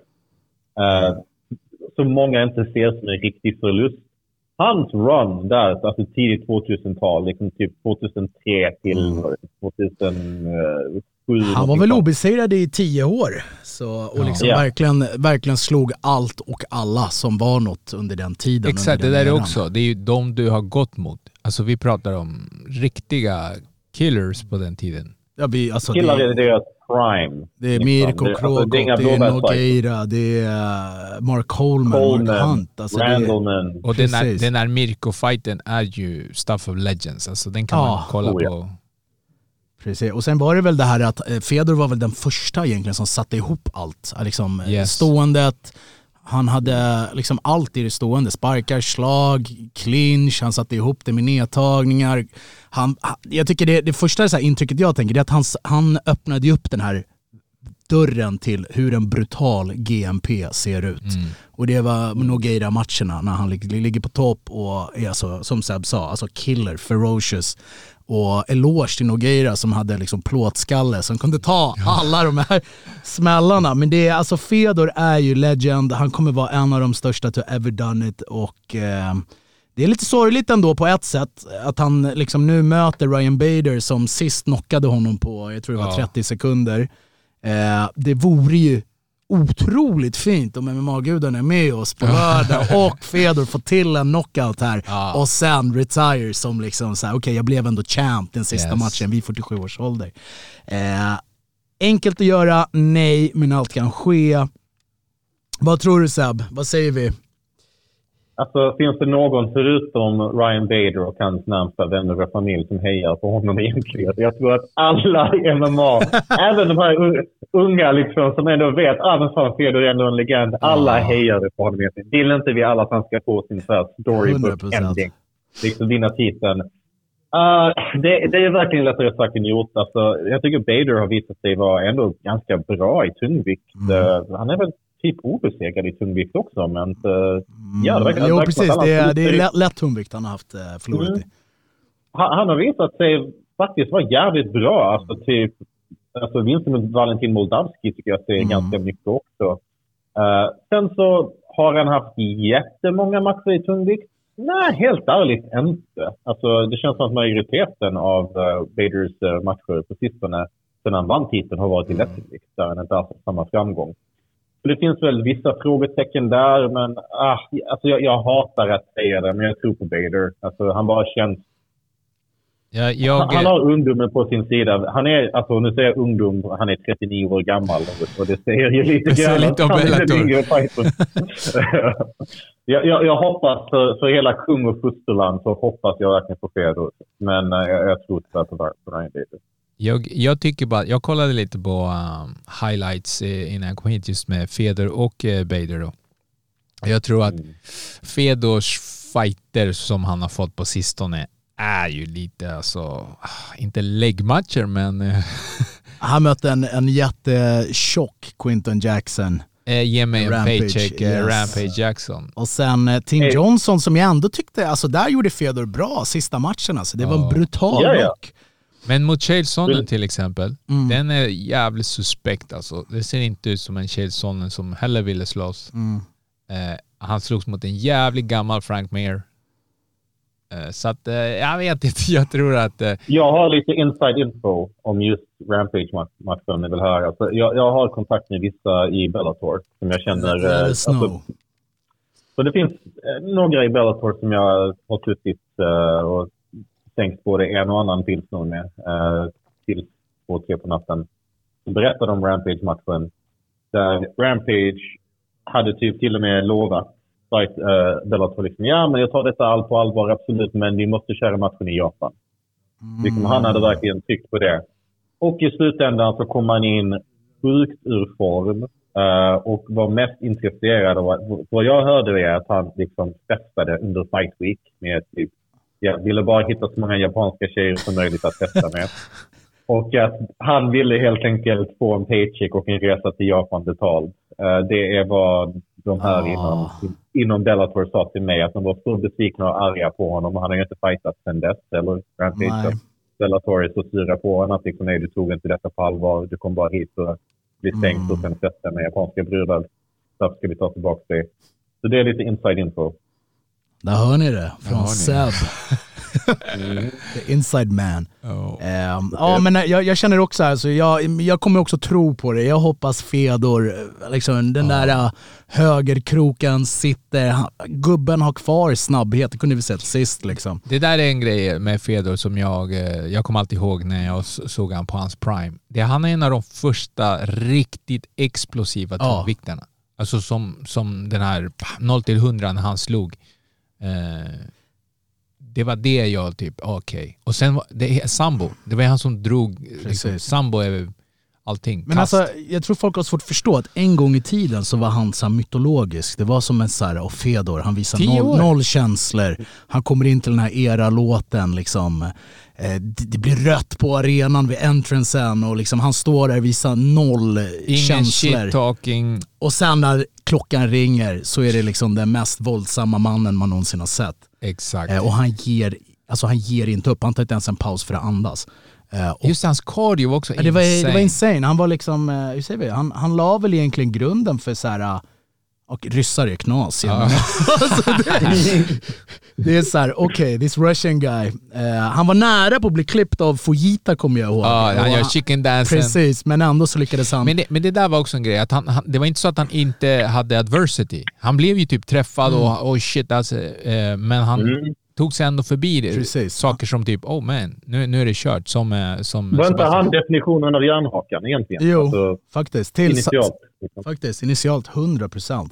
Och sen vart ju den här matchen då mot Krokop, det var ju, jag kommer ihåg att, jag kommer inte ihåg hur gammal jag var, men jag kommer att jag tränade kampsport då och eh, vi satt liksom, jag tränade på, på Vasa då, Vasa Thai Kick. Ehm, och eh, det var liksom det här, jag hade kört lite bi innan så det var ju värsta grejen. Krokop, striker mot då MMA-fighten Fedor. Eh, om vi nu använder DC++ eller Napster eller någonting för att få ner den här fighten. På den tiden var det svårt men liksom alla satt och vi var så hypade över det här. Och sen se Fedor spöa Krokop på Krokops game. Yes. Eh, och verkligen inte ge Krokop en enda liksom, säger vi, alltså, chans att kunna ta hem den här matchen. Det var så här: okej, you're the best ever. Ja, och, och det var det han också gjorde. Jag, för jag kommer ihåg att eh, Mm. han intervjuades och han pratade om hur han liksom strukturerar upp. Och han var en av de första som sa typ att nej men jag behöver inte vara svart bälte överallt. Men om jag möter en striker, Mm. då får jag upp min striking så jag kan åtminstone matcha han hyfsat. Och sen har han sina andra aspekter. Så han var liksom, han jobbade verkligen på den här all-aroundness eh, som nu liksom alla förstår att man måste Ja. göra. Eh, Men nej, han var fan, han är helt otrolig och för mig har han betytt, han var en av de där som typ gjorde att jag faktiskt testade MMA och Ja. Liksom, annars var jag bara stående. Och, eh, Ja, man tänkte vadå, om någon med hans fysik vara så bra, då kan väl jag också lyckas. Men det, men det var ju lite det, man, man förstod, det var det här, vad är det, Joe Rogan som säger, det är någon, att det är ingen bodybuilder-tävling liksom, det är fighting, det, det, det är inte hur rippad och hur liksom muskler det ser ut utan Ser man en kille som Fedor kommer in som en liksom, liten halvlatch Ja. småbarnspappa och sen bara put on the damage på alla. Så, så är det så okej, det, det, och han det, var ju otroligt atletisk. Det var 100 det. procent. finns ju någon gammal video vet jag, när de tränar i, i Ryssland, när de är på ett utegym och Ja, joggar. jag vet exakt Du vilken du vilken det är. menar. Ja. Där, man bara, Yeah. så här ska jag börja träna Oh, och yeah. skuggar baklänges Yeah. och i sina liksom patenterade tracksuits också. Han och som- brorsan. Precis. Eh, nej men Fedor är en legend. Jag har haft eh, turen att, att träffa honom. Eh, Starstruck, Starstruck. Eh, haft också möjligheten att coacha mot honom. Oh. Eh, så jag har, jag tror vi har 1-1 när Kalle mötte hans grabbar då i Team Fedor. Så, men eh, otrolig respekt, otroligt läskig person. Eh, till och med då när man har träffat honom så är han exakt den här eh, stoiska personen, liksom no feelings. Eh, du blir lite rädd för honom liksom, av bara energin. Eh, men sen är det också det här att man har byggt upp honom i huvudet till, till liksom, oh, det är Fedor. Oh. Eh, men sorgligt, men jag tycker att det är på tiden. Liksom. Ja, jag hoppas han vinner över Bader. Bader är däremot jätteduktig. Eh, Jag tror, den jag tror yngre, Bader. mer atletisk. Jag tror Bader vinner, men jag hoppas Fedor. Jag kommer säga Fedor ändå. Exakt, det är så jag säger. Jag säger Fedor. Vad säger du Seb?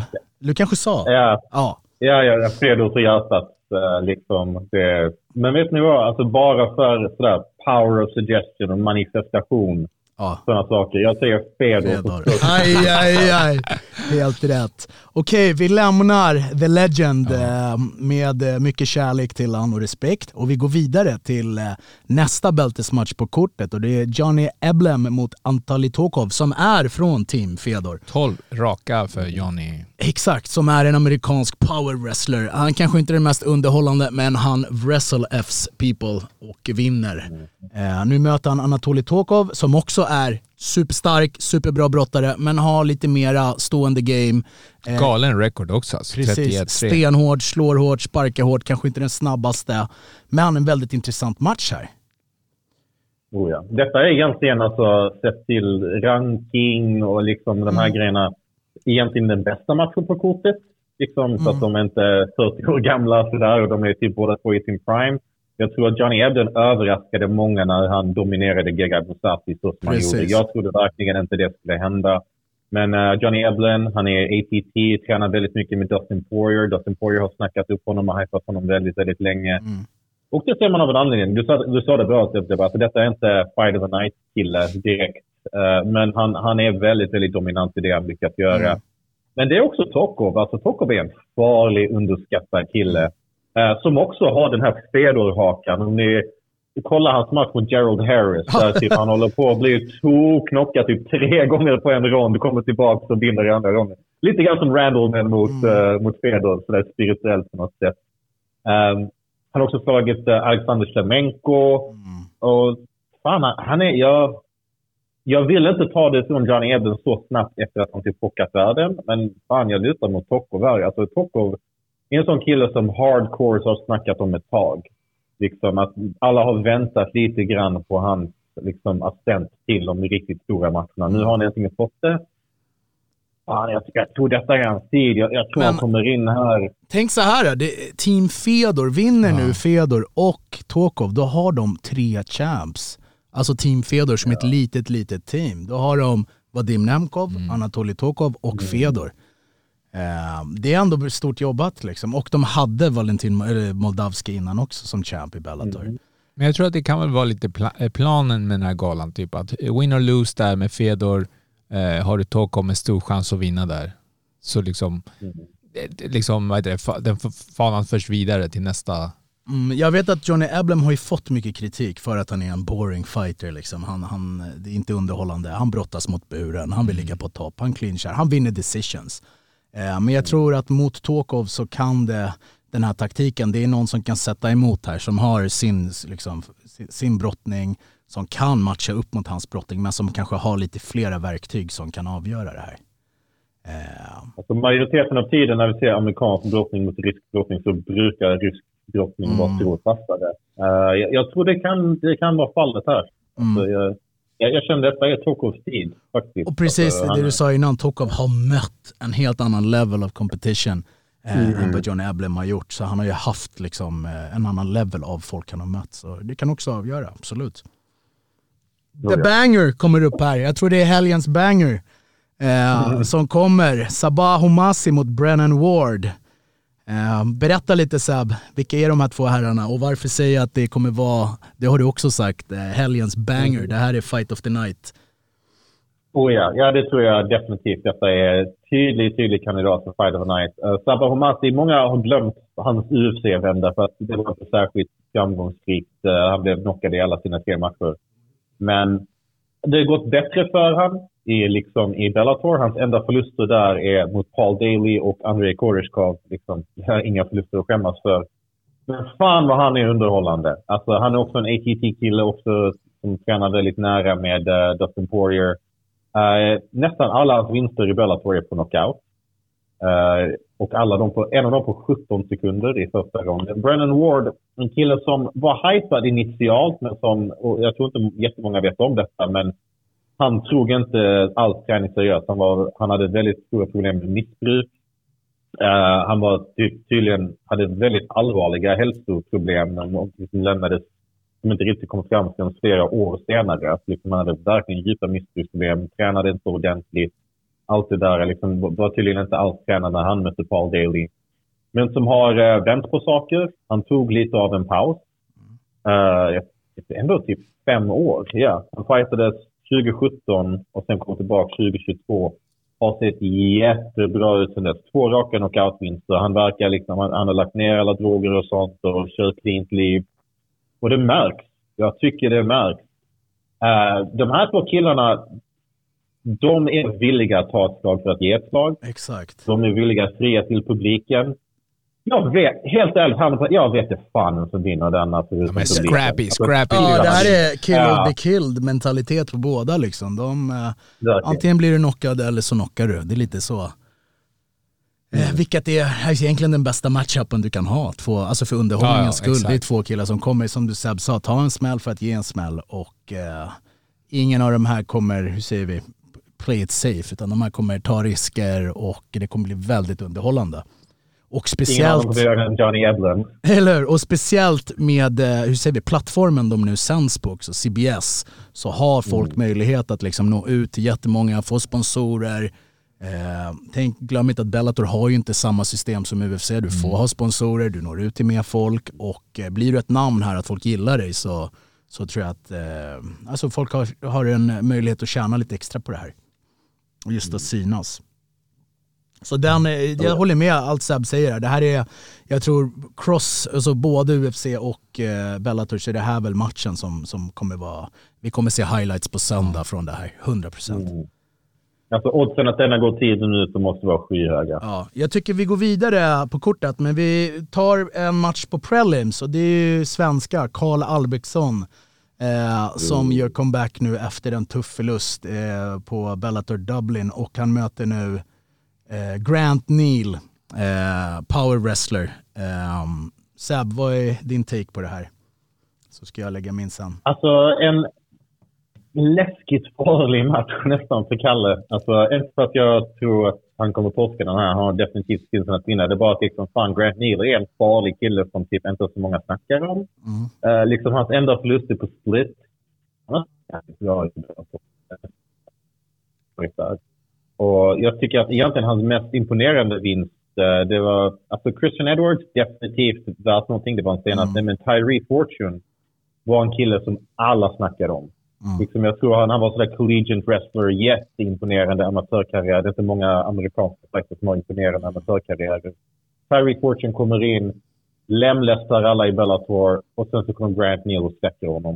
Uh, slipper ut honom i första ronden. Uh, han- jag tycker verkligen han satte sig själv på kartan med den vinsten. Läskigt från topp. Uh, den här killen har bra ground and pound. Uh, alltså, Han har bara en power. förlust på split Ja. så. Ja, vad, vad, vad tycker du om att Kalle har tagit den här matchen så pass eh, kort in på förlusten? Liksom? Är det bra att ge sig upp på hästen direkt eller skulle han ta lite mer tid? Eller är det liksom... Jag tror att i detta fallet är det okej just för att han höll på att äga den matchen mot Carl Ja. Moore. Han var så nära på att avsluta där första. Jag tror alltså, om jag försöker sätta mig själv i hans huvud så var det liksom fan att jag slarvade bort vinsten. Mm. Alltså det var lite mer den känslan. Så jag, jag kan ändå fatta att han hoppar på hästen ganska snabbt igen Mm. just för att han verkar inte ta mycket skada. Liksom, han slog Carl Moore mycket mer än vad han själv blev slagen. Mm. Hans två vinster innan, det, eh, innan det till Bellator tycker jag är jävligt imponerande. Victor Nemkom och uh, Dominic Mm. mm. Shimura. Det där är riktigt bra vinster egentligen. Jag var stör mig på att Kalle har bara sådana tuffa under radarn killar.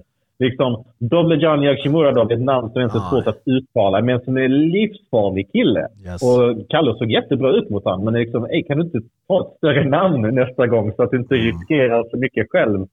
Eh, jag, jag tycker att Kalle är den mer kompletta fighten. Jag tycker att allting som uh, Neil har i typ styrka och power.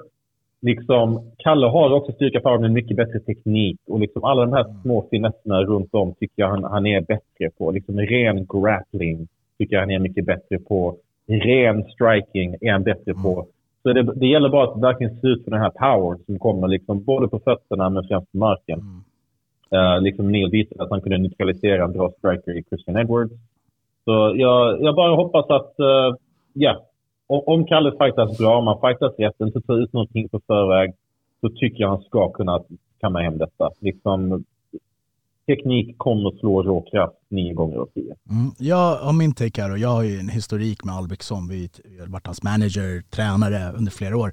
Eh, den här matchen, på pappret ska Kalle vinna den här, alltså rent eh, levelsmässigt. Han har mött bättre folk. Han som precis som du säger har mer teknik i det stående, mer teknik på grapplingen. Men de här männen, det är att Kalle har alltid haft svårt mot just brottare. Alltså folk som är väldigt bra brottare. Nu är frågan, är Grant Neal en, en Phil Davis?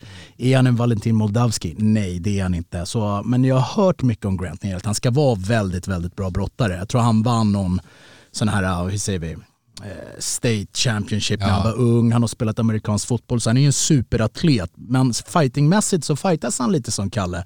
Han är lite avvaktande, han letar efter takedownen, gillar att ligga på topp. Så jag tror att här blir det ju, vem lyckas implementera just det här gamet på varandra? Kalle kommer kunna jobba mer med sparkar som vi sett utveckling. Men risken att du sparkar är också att du blir nedtagen. Exakt. Och så är frågan, kommer du kunna ta dig upp när du har en jobbig person över dig? Det är tre ronder. Folk kan vinna ronder. Jag tror den här matchen inte kommer sluta på avslut. Jag tror däremot decision till någon av de två. Jag tror att nyckeln här blir då, vem kan implementera sitt game på den andra? Då de har ett rätt så, säger vi, liknande game fightmässigt. Ehm, Kalle kommer vara större, längre. Neil är mer kompakt. Eh, jag vet att Neil tränar ju med, ehm, vad heter de nu, nu med Kamaru Usmans bror, Mohammed Usman. Eh, så man kan ju förvänta sig att brottningen också kommer vara on point. Väldigt intressant match faktiskt. Eh, och som du säger, det är en doldis. Eh, nu är det här en match, båda är i rankingen. Jag tror Kalle är nia och Grant Neal är väl sjua, något sånt där. Så det är ett, en vinst här att etablera till exempel. Skulle Grant Neal vinna över Albrektsson så är det, ja men du har vunnit över en veteran, du hör hemma här i toppen. Vinner Kalle så skjuter du upp honom i rankingen och alla vet historiken med Vadim Nemkov. Eh, men väldigt intressant match här och se vad, vad som sker. Ja, det här, är, det här är den som kan, som du sa, den som kan implementera sin gameplan. Eh, det känns som att den som kan ta ner den andra och and pounda lite, jobba, få dem lite trötta där, där de ligger under. Eh, det är den han som kommer vinna liksom. Precis. Och ehm, ja, nej, väldigt intressant. Just att, men det är tråkigt som du säger, det är doldisar, folk vet inte vilka det är. Kalle får möta dem, men en sån här match rent erfarenhetsmässigt, vilka han har mött in the past och leveln på dem, borde Kalle vinna det här.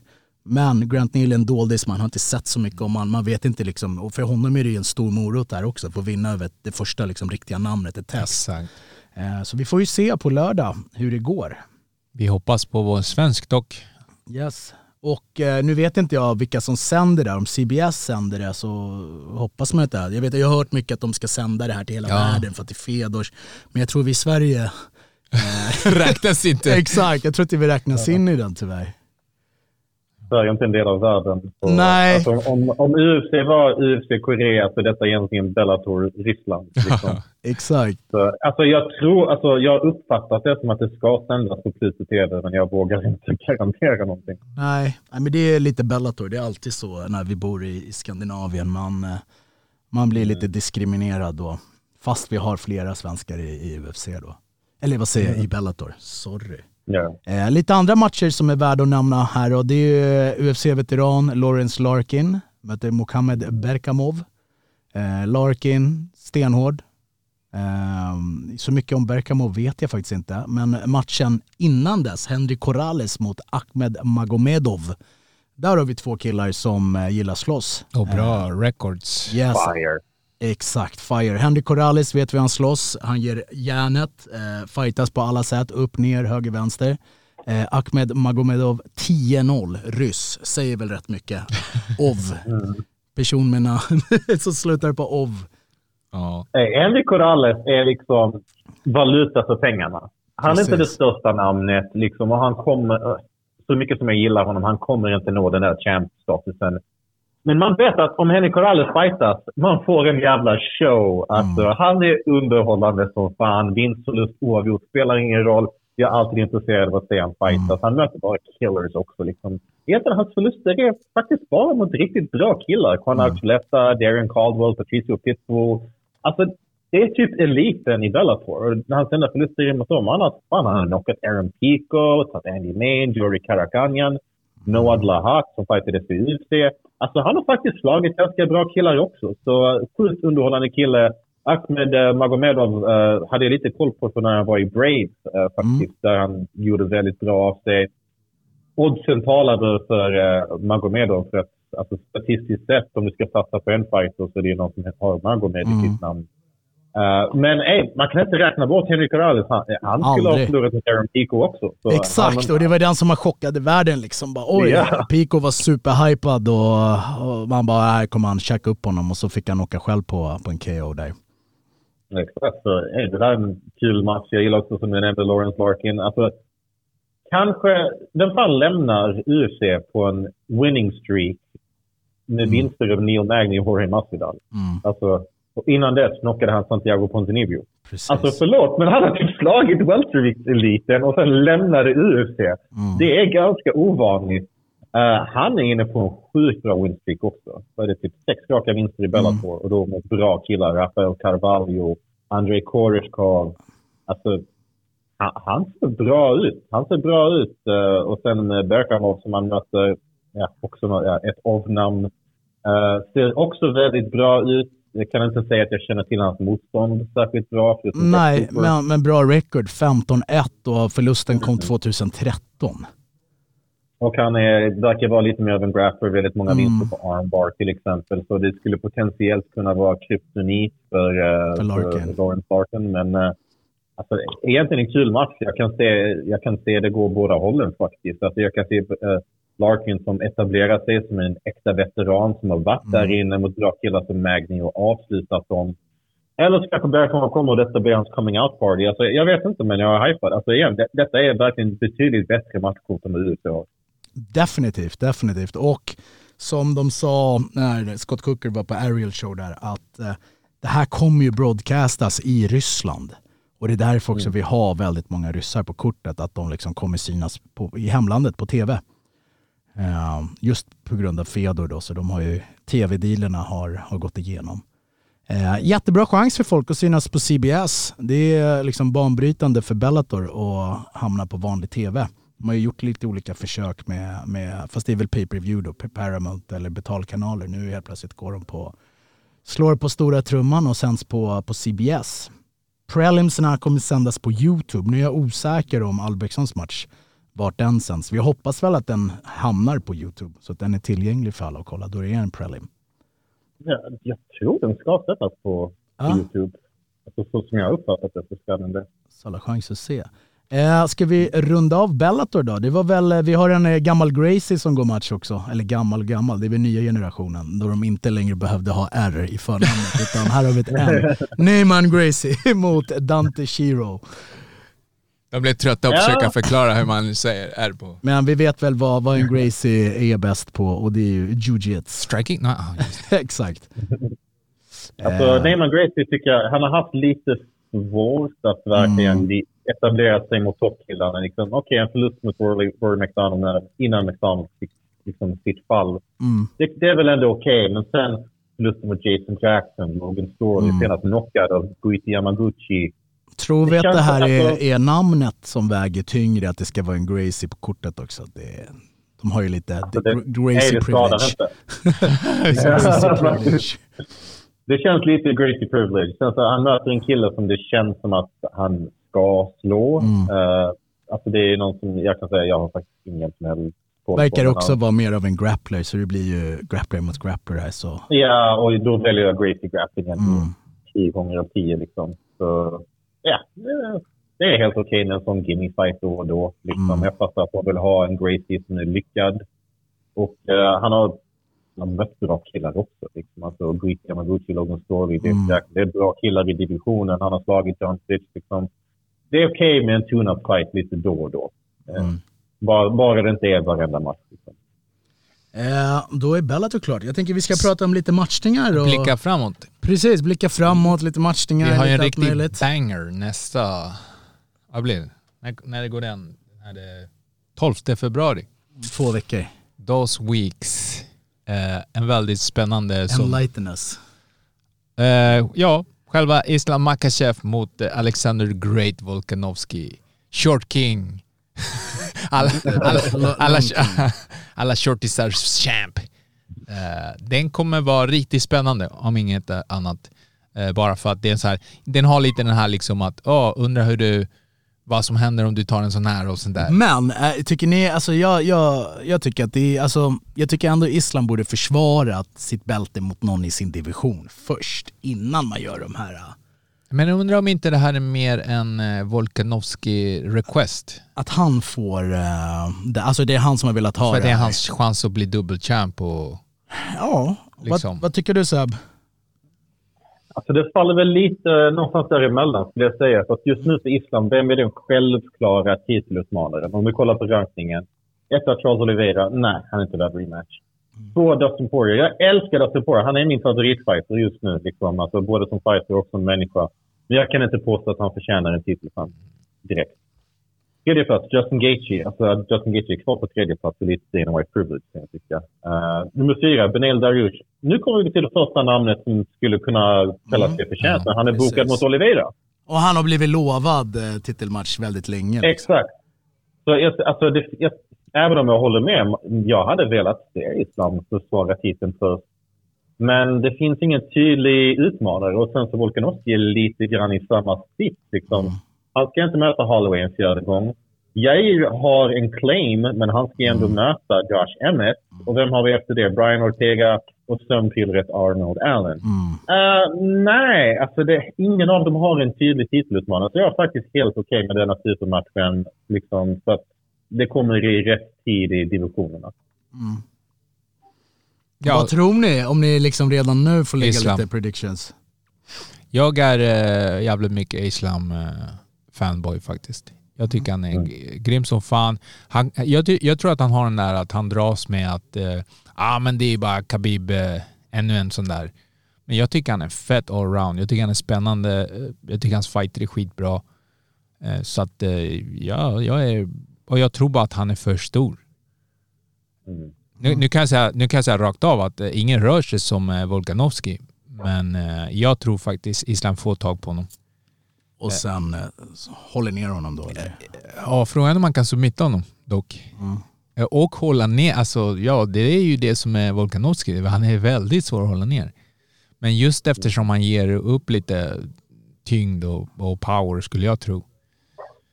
Så ja, och sen är, jag vet inte, jag, det är ju, jag tycker att Volkanovski har allt att vinna på det här. Det är eh, om man, Ja alltså förlorar han så är det så, ja, det, var, alltså, det gick ju Ja. upp en viktklass. Det är klart. Ehm, och vinner han, legend status. då är det ju verkligen PFOP GOAT liksom. Ja. Eh, jag, jag är lite så här, jag håller med dig, absolut, men jag tror att man underskattar Volk här. Alltså, jag tror ändå att vet, han har snabbhet, han har bra timing.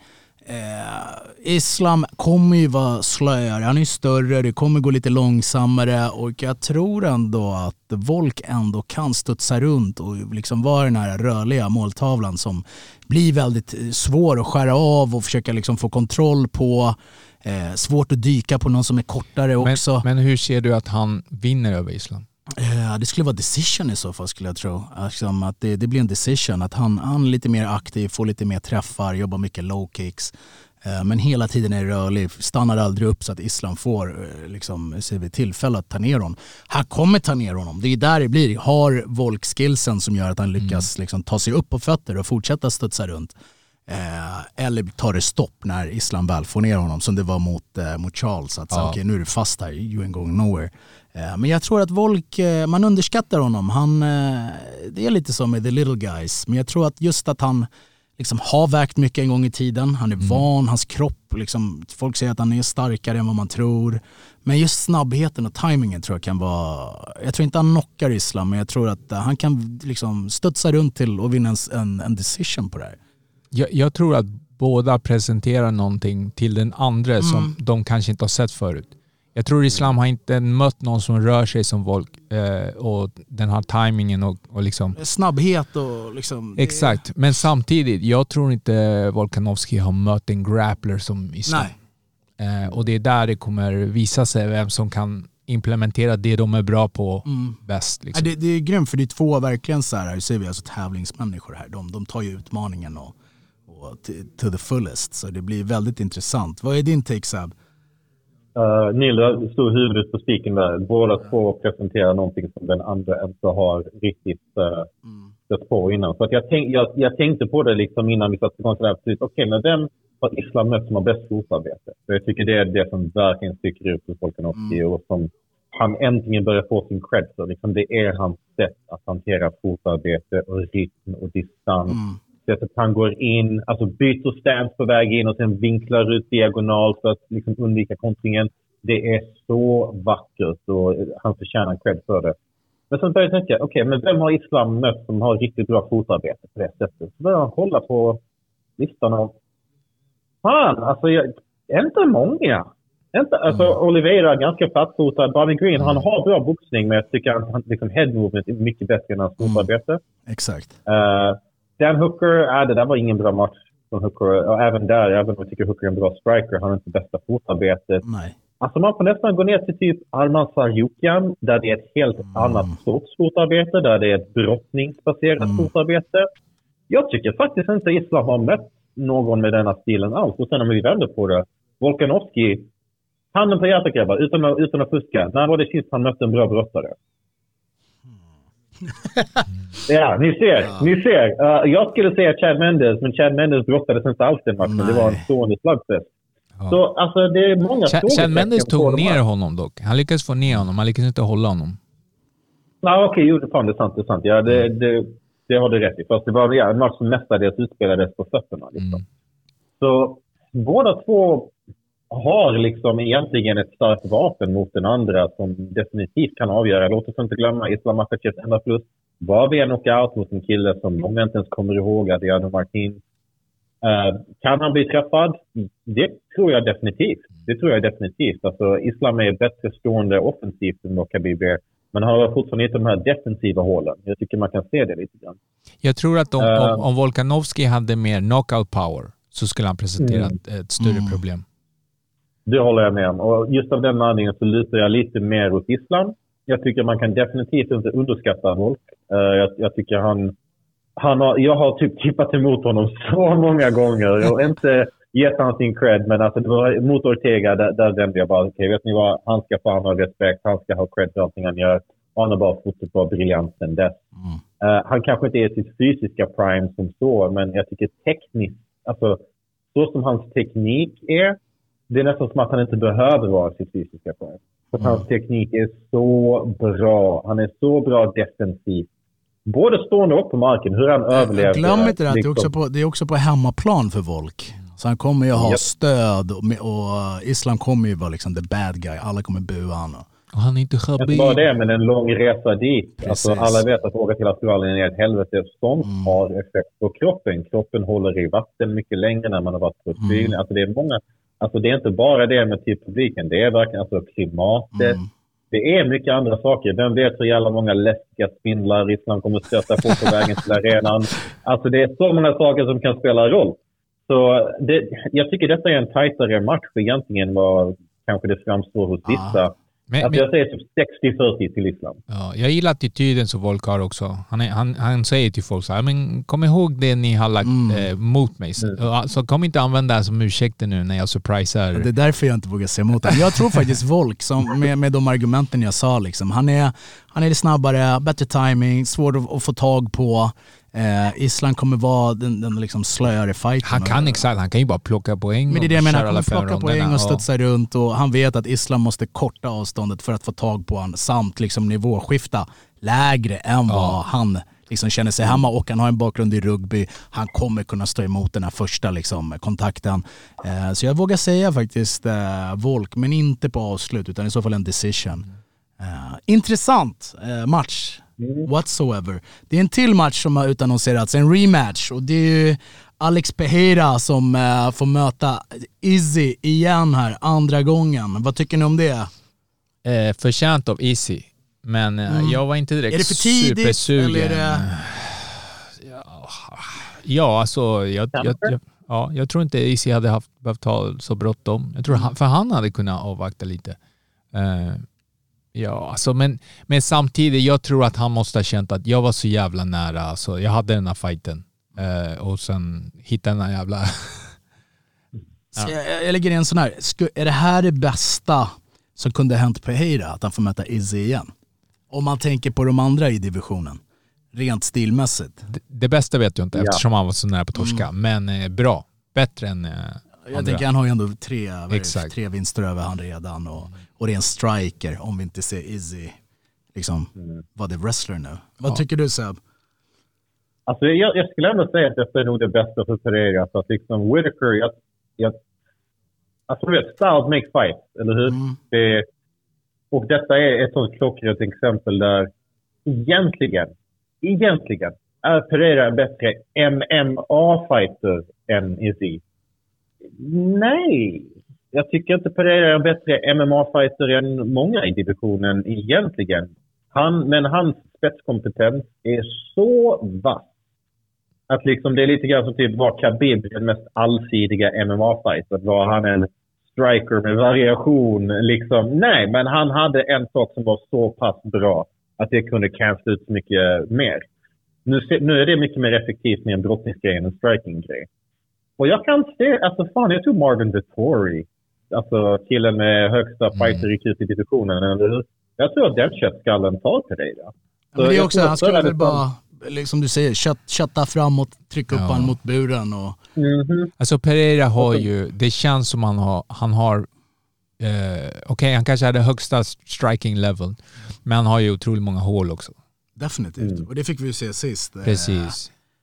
Eh, 10 sekunder mer i den första ronden och Izzy kanske vinner på knockout där. Så, alltså, men sen samtidigt, alltså detta är den matchen som verkligen alltså, fastställer Pereira. Om han slår Izzy två gånger i MMA och kan ha de två vinsterna över honom i kickboxning. Izzy får nästan byta division eller någonting sånt där. För att, alltså, Men- men- har, alltså, ibland Ja. hittar man en fight och så bara “He's got his number”. Ni vet, alltså, Exakt. han, bara- det finns en kille som har hans nummer och det är Pereira. Men, men hur tycker ni att Izzy har liksom, eh, alltså hur har han tagit den här förlusten? Han har gått och gjort en face tattoo, han har liksom, det, Alltså jag, jag har hört han har det snacka. tagit på själen lite? Jag, tro, jag, tror, jag tror klart som fan, för han, var, han var superhypad på sig själv där. Eh, men han tog det ändå bra, hade sett att det är skitsamma om jag måste slåss med honom 30 gånger. Alltså jag kommer, jag kommer han vet, han, han har gett han cred för att han gillar hans coola Ja. intro och så här. Så jag tror att eh, på det sättet är han bra. Och så tränar han ju med, alltså han är polare med Volkanovski. Sånt där triggar också, du tränar med champs. Så jag tror absolut Israel, eh, pff, jag, alltså, ja, jag vet inte. Jag tror Israel tar faktiskt eh, rematchen. Men om han inte tar rematchen så ser jag Pereira spöa Issy och sen kan jag se han flytta upp eh, för eh, att utmana Jamal Hill. Mm. Det vore ju liksom eh, en drömstory. Det vore skitbra för honom Historik rent strategiskt finns, också. precis. Jag tror att det är en bättre match eh, att flytta upp till och, och möta. dodga alla killers. Oh yes. yes. Zigzacka dem. Zing, zing.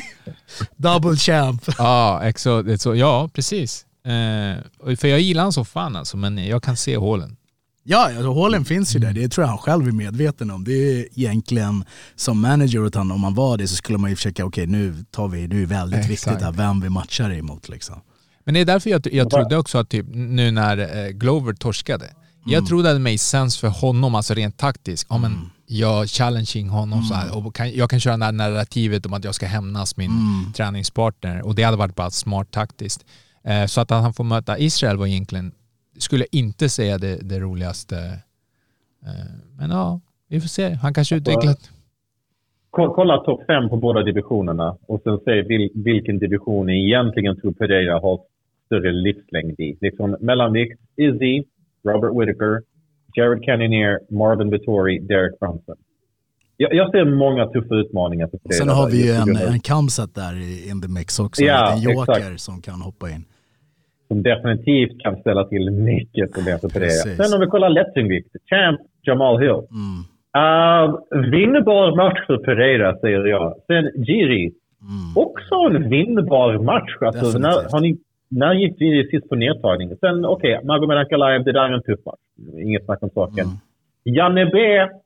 Lite halvgamla Janne B som eh, inte alls har visat så mycket offensivt med brottning på sistone. Alexander Rakic, okej, en, en komplett bra kille, men Men också fokus på striking. ja, fokus på striking och sen frågetecken kring hans comebackform. Och sen på femte plats Anthony Smith. Oh, jag tror definitivt att jag tar Anthony Smith. Alltså, det är ganska tydligt vilken division som potentiellt är mycket enklare. Och det är alltså lätt Han har ju storleken Han är så jävla stor. där, så det är inte något problem med Han är fan större än Jamal Hill. Ja, Ja, det, är, det är sjukt hur han kan banta ner sig. ja, helt sjukt. Ja. Men, men kul, en till annonsering som har kommit ut, det är Masvidal mot Burns. Ja. Vad tycker ni om den matchningen? Det är den enda logiska för båda två, men det är ändå en riktigt tuff match för Masvidal. Så okej, låt oss vara ärliga. Masvidal han vill ha de här stora fighterna, han vill ha money fight. Men han ska raka förluster, han kommer inte få någon i topp 5. Så då måste han slå någon. Femte plats har vi Gilbert Burns. Liksom alla andra i topp 5, Belal, Khamzat, Colby, Usman. Det där är jättedåliga matcher för Masvidal. Vad ska han göra? Möta typ Jeff Neal och Sean Brady? Nej, det där är inte bra för hans varumärke. Burns är det största, bästa namnet som man har en bra chans mot. Ja. Burns är slå ett etablerat stort namn. Han vill tillbaka in i den titelmixen. Egentligen, det är en jättelogisk match för divisionen och för båda fighters. Men det, alltså, stilistiskt sett. Jag vet inte vad oddsen är, men jag kan tänka mig att Masvidal är en väldigt stor underdog och det borde han vara. Detta är en tuff match för honom. Kan han pricka Burns på fötterna? Ja, alltså ja, ja det kan han.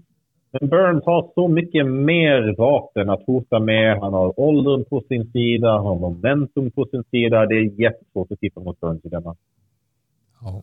Nej, jag håller med. Eh, Jag, jag tror också Masvidal är väldigt mycket en household name. Han, han drar väl cash. Han är lite money fight om du matchar honom rätt. Men jag ser honom inte som någon typ great fighter.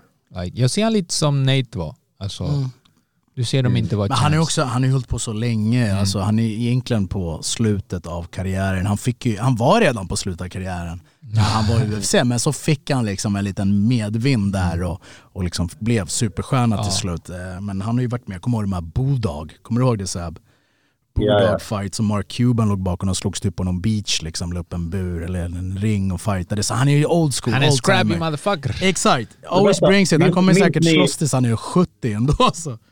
Minns ni Shark Fight? När han mötte Paul Daly. Jag tror, jag tror Shark Fight hade kanske två eller tre event och så konkade de. Ja, Men de de hade det. en trailer.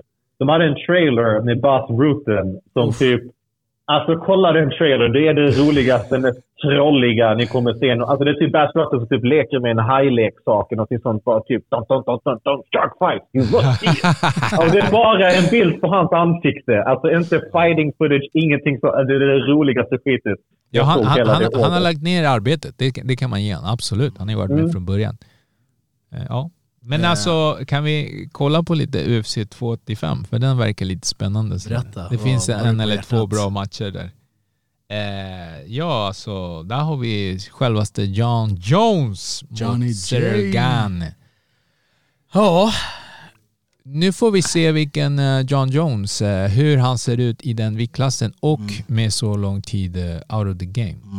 Eh, är han, om, om han är samma fight som han var då, då han var jävligt bra, fast nu kommer han vara very, very strong. Eh, och, men Gunn är skitbra striker. Men eh, ja, jag ger edgen till John Jones om han fortfarande är John Jones. Förstår ni? Jag vet inte. point taken, jag förstår vad du menar. Mm. Eh, alltså Gan är ju egentligen den mest tekniska, mest rörliga, IQ-smarta fighten i tungvikten. Eh, vilket Jones har varit i, i, i vikten, Ja. i klassen under liksom. Så de är ju lite så här, alltså säger vi, spegelbilder av varandra, ish kan man väl säga. Men Jones har brottningen och se, kunde Ngannou ta ner, det är väl det alla säger, kunde Ngannou ta ner och Ja. kontrollera Cyril Gunn, vad ska John Jones göra med honom? Men John Jones har inte gått på takedowns på senaste matcherna, han har inte varit brottare utan han har valt att hålla det striking, det har varit decision fighter. Frågan är vilken John Jones som kommer in nu. Är det det här killer instinct eh, Johnny Jones som liksom när han var ung och hungrig? Eller blir det den här lite mer statiska och jag vågar riktigt inte ta risker Jones som kommer. För, för Gunn will bring it. Eh, och han, jag tror ändå att matchningen kommer plocka ut det bästa ur Jones också.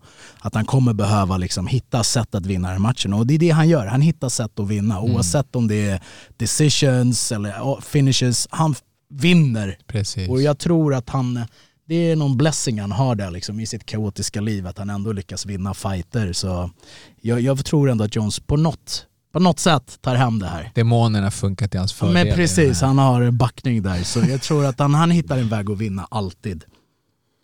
Så du, du tror John Jones? Jag tror John faktiskt. Vad säger du Sebastian? Jag lutar också mot Jones, men det kan ändras liksom när man ser alltså, fight week och träning. Och del, eh, sånt kan ändras lite grann. Baserat på vad vi vet just nu, idag den 2 februari, om Cyril Gann och hans svagheter, så ser jag en tydlig väg till seger för Jones. Alltså, och om Ngannou kan brotta ner dig och sen alltså det där att gå på den heel-hooken där i femte ronden var så lack Just fight, fight IQ moment av det året. Ah. Liksom. Det, medan John Jones traditionellt sett väldigt högt fight IQ. Liksom, så som han slätar ihop liksom, från striking till clinch till Han har bra trips. alltså, det, Ja, precis. Ja, ja, verkligen. Och sen Han jobbar han ju väldigt, väldigt eh, elakt med ground and pound med armbågar när han väl har fått ner det Mm. liksom, som gör att de inte vill, vill vara kvar där. Ja, hans clinch, alltså hans Mm. armbågar i clinch också. Låt oss inte glömma vad han gjorde i boxningsdistans mot Glover. Liksom. Så Mm. Precis. baserat på de sakerna så finns det recept där. Men alltså, det är just det som du säger, Sepp, han har inte sett komplett ut sina Nej. två senaste matcher. Och de två senaste matcherna var typ då 20, var det 2018? Nej, så länge kan det inte vara. Men alltså, det var ändå två, tre år sedan när han fightade sist. Och jag tror alla är överens om att han inte såg jättebra ut mot varken Reyes eller Santos. Nej, Så- och, det, och det är också Reyes-matchen är ju en där typ hälften tycker att han förlorade. Ja. Jag tycker fortfarande Reyes vann de tre första ronderna. Sen är han en bättre fighter idag? Nej. Alltså, Reyes har ju liksom... Fan, jag tycker synd om honom legit. Liksom. Jag tycker synd om honom. Ja, och, sen, Men jag tycker han vann den matchen. Liksom. och sen på samma kort ska de ju mata Valentina Shevchenko med Alexa Grasso. Mi gente. Ja, exakt. Det är... eh, Lite för tidigt för Grasso. Jag, jag, jag gillar Grasso som fan. Jag tycker hon är väldigt kul fighter. Hon börjar få till boxningen. Uh, liksom hon har bra boxning och bra grappling. Sen brottningen finns lite grann att jobba på där. Men detta är ju Valentinas division. Eh, hon har börjat visa... att- Hon visar ett par svagheter senast. Alltså hon ser... Alltså hon, hon är beatable. Liksom. Jag tror bara inte... Tyvärr, jag hade älskat att se en till mexikansk camp, men jag tror tyvärr inte Grasso är redo för detta. Det, det blir för svårt. Jag håller med. Eh, för, på kortet har vi ju Dricus Duplessis som kör igen. Som spöade eh, våran, hur säger vi, ska vi kalla han för, för lite hederssvensk? Mm. Darren till senast och han möter ju Derek Brunson så det är egentligen det är ett riktigt bra test för, för, för Duplessis att se liksom vad, vad han har hemma i, Ja. i mellanvikten. Om man vinner då fortsätter han klättra. Precis. Och sen en match som eh, jag är väldigt hypad för, det är den innan här. Det är ju Jeff Neal mot Shavkat Rachmonov. En kille som ingen vill möta typ. Precis, 16-0. Möter Jeff Neal som är alltså allround väldigt, väldigt bra. Har väl spets i striking också och Shavkat har vi ju sett är också allround men Yes. typ jättebra på allt. Ja, Eh, inte fått samma hype eh, som Kamsat, kanske för att han inte liksom sticker ut hakan lika mycket. nej. Eh, skriker inte och så, men ändå. Jo. Eh, Alltså, jag säger Shavkat 2023, Shavkat 2024. Jag, jag är på... Jag, jag är biljettkontrollant på Shavkat hype-tåget. Alltså, så Mm. bra som han har sett ut nu. Alltså, det är inte bara att han är 16-0, han är 16-0 med bara avslut. Och nästan alla de avsluten i första ronden. Och killarna, alltså... Hey, Michel Prazeres, Alex Oliveira, nu senast Neil Magny. Alltså, han, han tar ändå bra matcher och ser så bra ut i dem. Han, vis, alltså, han har väl svagheter. Jag vet att han har dem. De finns väl där. Men jag ser inte dem. Jag ser inte de svagheterna. För han är så bra på att bestämma var fighten utspelas. Liksom. Jag, jag gillar ju han såna här, hanterar typ, distans jättebra. jag gillar de här så här kanske legendary fighter från eh, ingenstans som dyker upp med perfect records. Eh, han, han har ju det, 16-0. Då är man lite så här, okej. Eh, det, här kan vara- det här kan bli en eh, legendary fighter liksom. Och sen, Oh ja, han, är, han är nära. Alltså, han, jag, jag tror att det, det är en tidsfråga innan han hamnar på liksom mainstream-radarn. En- vinst över Jeff Neal, är han där då på mainstream-radarn? Ja, då har han väl tagit sig innanför topp 10 ganska Mm. bekvämt och gjort det på ett huvudkort på en pay-per-view-gala. Jag tror nästan det är det mest Mm. avgörande. Så hade han mött Neil Magny på alltså, Neil Magny-matchen denna galan på Ja. huvudkortet hade nästan gjort lika mycket. Skillnaden är att han kan utöka till fem raka i UFC. Mm. Jag, jag tror faktiskt detta är hans breakout moment vi kommer se här. Jeff Neal, tuff kille, stark, eh, slår hårt men Mm. lite på det långsammare hå- hållet. Liksom, jag tyckte vi såg ganska tydligt när han mötte Wonderboy att Neil har lite problem med sådär taniga, rangiga killar som är bra på att liksom hålla honom på änden av, av strikes. Och sen han är inte världens bästa från backen eller nedtagningsförsvar heller. Jag tycker Shotcut ska ta denna matchen och jag tror detta verkligen blir när alla börjar prata. ha, eh, efter har vi också en, eh, en riktig, the great white hope. Exakt. Bo Nickel. Eh, Amerikas, vad, vad är det här? Det här är Amerikas Kamsat. Ja, det, hade, det är vad de säger. Det Mm. är det Amerikas eh, Kamsat, precis. USAs Kamsat. Eh, superbrottare. Eh, nu är jag inte superkoll på hans brottningsmeriter, men han ska vara den bästa brottaren Ja. in the game. Det är därför han också får debutera i UFC med tre matcher i bagaget från Contender Series då, där han totaldominerade folk. Ja. Han har Möter... vunnit uh, NCAA Division 1 Championship tre gånger och sen Ja. ett silver också innan dess. Alltså silver 2016 och sen efter det 17, 18, 19 bara guld. Ja, och eh, liksom varit väldigt så här, han, han, han har pratat mycket, han vill möta Ja, Kamsat, varit- han ser att det inte är något problem för hans brottning och så vidare. Eh, möter en veteran här, Jamie Pickett. Eh, som, eh, vad säger vi, det är också en kille som är mera, mera striker. Som eh, kommer hamna under Bo Nickel tror jag, så det är en bra, säger vi, det kommer bli, alltså Han kom från två det- det- förluster. UFC har ju planerat det här. Ah, det här ja. är nya liksom, eh, säger vi, oh, har de haft någon liknande amerikansk sån här, lite Chandler innan Chandler kom till UFC om vi säger så.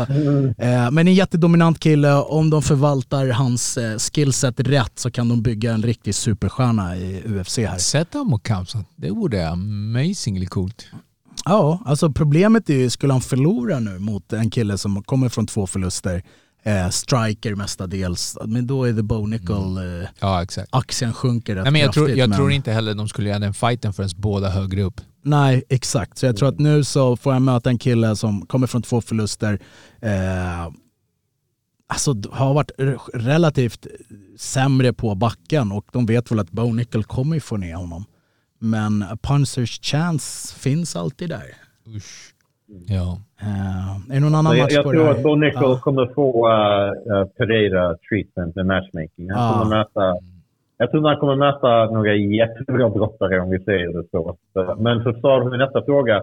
Det finns en till intressant match på kortet. Uh, Jalen, the Tarantula Turner mot Dan Hooker. Mm. Där har vi roliga grejer och lite intressanta stats. Om vi kollar på Jalen Turner. Uh, sen han flyttade ner till lättvikt, vilket är en skattad division. Hans första match över mot uh, Callan Potter från Australien. Han knockade honom i första ronden. Eh, två matcher senare mötte han eh, Josh Culibau från Australien. Knockade honom andra ronden. Så sa han två vinster till. Sen mötte han Jamie Mularkey, Australien. Knockade honom andra ronden. Senast Brad Riddell, Nya Zeeland. Mm. Avslutade honom första ronden. Teammate också till, till Hooker. Han är on a roll. Yeah. Statsen talar ju för att Jalen Turner är jävligt bra på att möta folk från eh, Oceanien. Mm. Eh, och sen alltså, förlåt men om du har en spindel som husdjur, du är genast lite läskig i mina ögon. Ja. Och Hooker eh, spöade ju din, eh, din boy här, Din boy. Claudio Ja. Reyes. Min blivande champ! Eh, och det är väl senast och innan dess hade han ju två förluster då mot Arnold Allen och Islam Makhachev. Är, är Hooker lite typ gatekeeper eller? Ja, det, Det, han, är lite, han är lite the gatekeeper faktiskt. eh, För att se om du håller den här nivån eh, i UFC. Eh, tar du dig förbi Hooker så, så är du ändå en, en rätt så bra fighter. Man ser ju de som har tagit sig förbi han vart de är idag. Men det här, det här det kommer vara en bra gala alltså. Eh, jag, jag blickar fram också mot den annonserade eh, Edwards mot Usman. Mm. Det är också en fet gala vi ser fram emot. Eh, Eh, jag kommer komma med lite rumors här. Eller rumors och rumors, det är väl hell... Alltså några procent confirmed att eh, Mr Irish, Conor McGregor, eventuellt ska coacha tuff. Eh, Vem det nu blir emot är väl eh, frågetecknet. jag, gav, jag gav ju Andreas en käftsmäll eh, förra veckan Ja. för att han hade sagt att eh, han vill ha Tony och sen kunde de gå ett fight på slutet. Ja. Jag bara, CTE Tony. Ah, Nej, alltså det, det är en match som jag tror alltså varken Conor eller vi som fans skulle bli, bli särskilt hypade över. Alltså jag vet Om, inte. om inte PR-maskinen UFC säljer in Tony som liksom såhär, åh, Tony kommer submitta Conor. Det är det som är fördelen med Tuff. Det är att det är en PR-maskin rakt av. Och Mm. Och men det är väl lite så här också, de behöver väl, det här är väl uppsvinget för Tuff. Tuff har ju tappat. ja, ja. Liksom, jag vet inte när jag sist såg en helt tuff säsong. Tio Ja, år sedan typ. Exakt.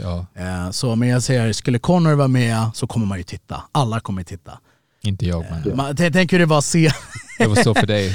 Men tänk senaste säsongen han var med, det var ju liksom eh, take care of your underwear. Alltså det var ju så mycket grejer. och- Exakt, så det, det, är ju verkligen så här, det blir, ju, eh, han ändrar ju MMA-kulturen med Han är inte samma han Connor alltså. Han är inte samma Det är ju Conor. det vi får se nu Ja. liksom. Man får ju se lite mer än de här klippen. Man får ju se lite mer personen. Vad är Mm. han för, är han liksom den här flamboyant killen nu eller vem är han? Eh, så det är intressant. Vad tror du? Vem vill du helst se han mot Neil?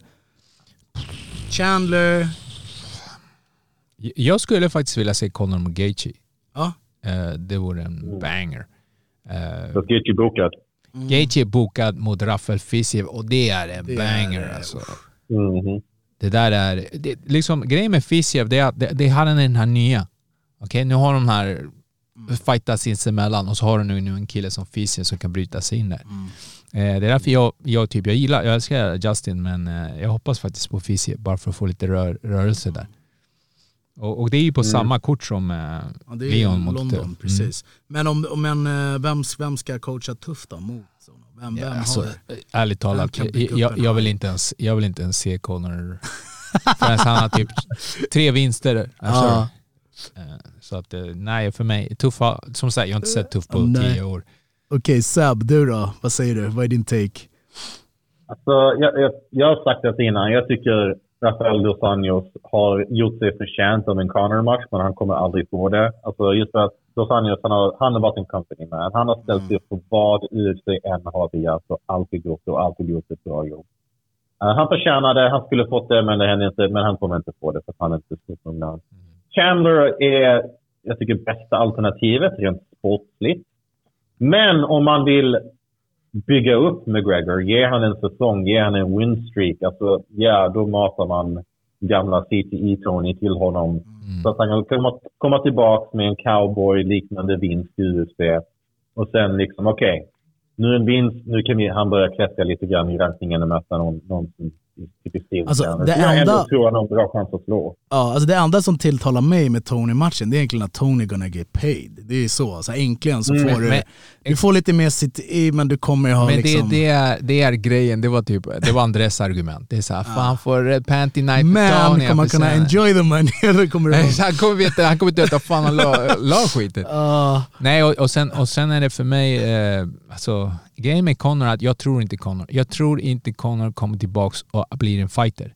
Jag tror Conor kommer tillbaks, tjänar en massa cash och sen bara, vet I'm du, out. I'm out. Eh, jag tror inte han kommer in och typ, nej men jag kommer garantera eh, tre fighter. aha, nej. Eh, Så därför, jag vet inte, därför jag, jag vill se, därför jag säger, jag skulle vilja se honom, och nu har jag en kontrakt på tre fighters som ska gå, fine. Då börjar jag köpa, okej nu är han back in the pool liksom. Nej, det, det, jag tror att saker kommer ju komma fram närmsta veckan, veckorna. Liksom. Det, det känns som att det bubblar. Det vi alla väntar på egentligen att få reda på när Kamsats nästa, nästa blir. Vem det är. Han är i Thailand och tränar. Jag vet Där också, vet alltså, Kam. Kam, Kamsa känner mig otroligt cockteasad med. Mm. Jag, vill, jag vill se han, eh, jag vill se Hype Machine nu. Ja. Han- jag- Det är dags, eller hur? Fight, Det- fight, det- fight, ja. Eh, för att, för att han, han är, för mig är han just i det där läget som, som Islam var. Mm. Är han liksom det här? Och det kan han är. Han kanske är den bästa fighten vi någonsin kommer få se. Men jag vill se honom tack. Så, så fixa fight. Eh, Och, och de säger så här, ingen vill möta honom. Det är därför Dana har pengar i plånboken. Öppna. Exakt. Mm. Sebastian, vad, vad känner du kring allt? Vad har du för tankar? Om uh, Kamsat eller? Ja, alltså överlag, matchningarna, Connor, Kamsat. Roliga matcher eh, överlag, alla de vi har diskuterat. Alltså det är bra, roliga matcher för respektive division. Liksom, eh, Turner mot Hooker kommer att säga mycket om... Alltså egentligen jag tycker att framtiden av eh, UFCs lättviktsdivision eh, Tyvärr, Gaethje, Poirier, de här killarna, de kommer att vara lite grann på väg ut. Framtiden är liksom Islam som, som champ åtminstone ett bra tag eh, framöver. Dariush ett litet tag till, men han är uppe i ålder. Så den riktiga framtiden av divisionen, liksom det är Islam, Rafael Fiziev, Matteus Gamrot, Arnold Sarjukian, Jalen Turner, Grant Dawson, Damiris Magulov.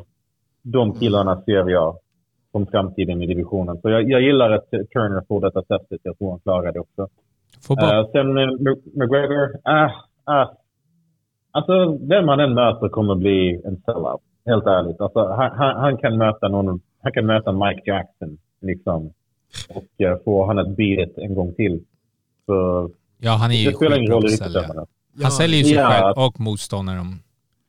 Exakt, exakt. Så eh, egentligen, UFC kan vara smarta och ge han lite lättare matcher så att han kan gå fler matcher och liksom utan att ta så mycket skada. Alltså, det är ingen dum idé från ett marknadsföringsperspektiv. Är det det sportsligaste alternativet? Nej. Definitivt inte. Men hur Ja. ofta går UFC efter det sportsliga? Hur många gånger har vi inte sett dem mata någon gammal veteran till någon ny ung, hungrig kille? När de egentligen borde göra en veteranig match av det istället. Ja, men, Liksom, men, och sen är ju som fa- faktum är ju att de flesta tittare är väldigt casual. Och på står Mm. det Connor mot Tony, som bo, det är namn du känner igen, så pff, Money, money. ja exakt, det säljer jättemycket. Men jag vill bara påpeka att ni bara sket i att nämna någonting om Leon Edwards mot Kamaru Usman. Men vi tänkte det är så långt fram liksom. Det, Nej men det, för, att- ja, det, det, jag tror faktiskt Usman kommer eh, dominera den fighten. Jag tror inte, Är det så? Jag tror att han tar Leon. jag tror Leon uh, does it again. Jag tror han försvarar sitt bälte faktiskt. Jag tyckte det var flytspark Mm. han fick in senast. Alltså visst var den inövad och allting sådär, men jag tyckte annars såg uh, Osman bekväm ut. Ja, alltså, Jag kan inte minnas sist jag var så relativt ohypad för en titelmatch. Mm. Jag vet inte vad det är. Kanske bara för alltså, Leon Edwards har noll personlighet och Usman är inte mycket bättre där förutom cringiga citat. Uh, ah, jag, jag, jag, jag bryr mig inte riktigt. Det är väl kanske lite roligare för divisionen om Edwards håller kvar titeln. Mm. Eh, men jag, alltså, jag, jag, jag behöver ett bra hype-paket. Jag, jag vet inte vad det är, men jag, jag är ganska ohypad för det. Ja. Ja, men jag känner faktiskt också, det är rätt svalt liksom. Därför man såhär, ja ja det är de igen. Jag känner såhär, ja vi får väl se Osman här. Det är första riktiga förlusten på knock liksom. Hur tar det tillbaks? Kommer det sitta Men, men, Alex, men Alex eh, mot Israel var du jävligt taggad på och den är ännu ja, längre fram. Ja, ja men, det, men det är en helt annan grej tycker jag. Det, det är ändå, det är, det är, um, säger vi, det är pautan. Jag, jag, jag, tror, jag tror bara det är Leon och Kamaru, de är dåliga på Ja, men det är det, det är, det är personligheterna, det är som Seb sa, liksom, det är inget som sticker ut. Karaktären är rätt så, så alltså, beigea. Det, det är... Start Det talking a little bit of shit. mest kända citat. I'm a problem. Bara, Okej. Wow. Hur länge funderade du på den? Ja, vi har ju snart nått två timmar här. Är det något vi har glömt att, att ta upp? eh, Alltså, som kommer i helgen eller någon ny matchning som vi, som vi sitter och, och håller på här. Johnny Tuma, titelmatch i uh, UAE Warriors. Just det. Ni kan läsa om det på svenska på Maximum Sports och på engelska på Frontier Online. Uh, jättebra match. Jag gillar matchen för Toma. Jag tycker han möter en kille som uh, visst har sett bättre ut sen han gick ner till flugvikt, men jag, jag tycker Toma känns typ farligare på alla fronter i stort sett.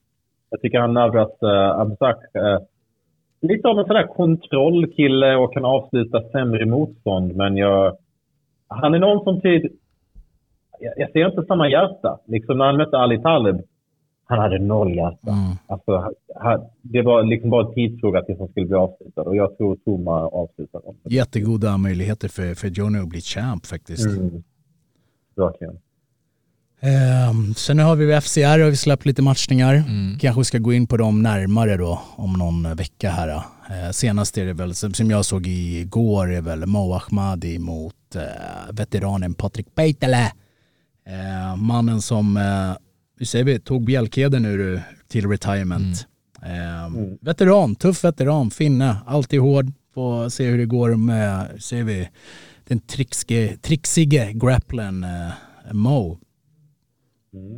Det är en rolig match tycker jag. Alltså en bra Ja. match. Båda två liksom har lite sådär 50-50 records och detta är perfekt sätt för Mo att liksom kunna stiga ut från det mot en etablerad kille som har mött Usman Nurmagomedov i, i Bellator. Liksom en etablerad kille. Alltså när Mo gjorde sin proffsdebut så hade Isela gått sin 17 proffsmatch.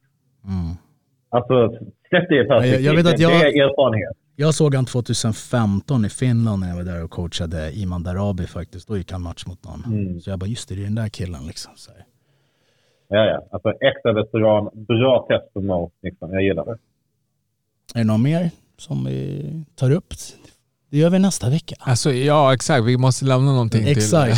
Men vi har kommit till, eh, Veckans käftsmäll. jag tänker att eh, mannen nere i down south får börja. Oh. Vet ni, alltså, det, det tog ett litet tag. Jag, jag funderade på det. Måste bara, nästa fan har jag en sån käftsmäll? Jag brukar alltid ha typ tre, fyra stycken laddade. Uh, någonting sånt där. Ehm, nu, jag var bara så glad och nöjd med hur min operation gick. Det, och det är liksom, morfinet som Ja, tar... jag, kom, jag kom på, jag kom på. Ja, ja, jag tror inte jag har... Eller vet ni vad? Jag kan ge den till uh, MMA-nytt som uh, copycatade min artikel om uh, obesegrade fighters i UFC. Och la Är det sant? De lista. det? Come Tio dagar bros. senare. Tio dagar senare publicerade och, så- och så skrev de MMA-nytt lista. Förlåt, men inte er lista. Aj, aj, aj. Här får Så ni. de kan få. Jag har en som, eh, det här är så outrageous. Så f- för det första så skrev UFC som håller med Dana White som håller på att göra alla hans stupid moves. Vi glömde den här stupid moven.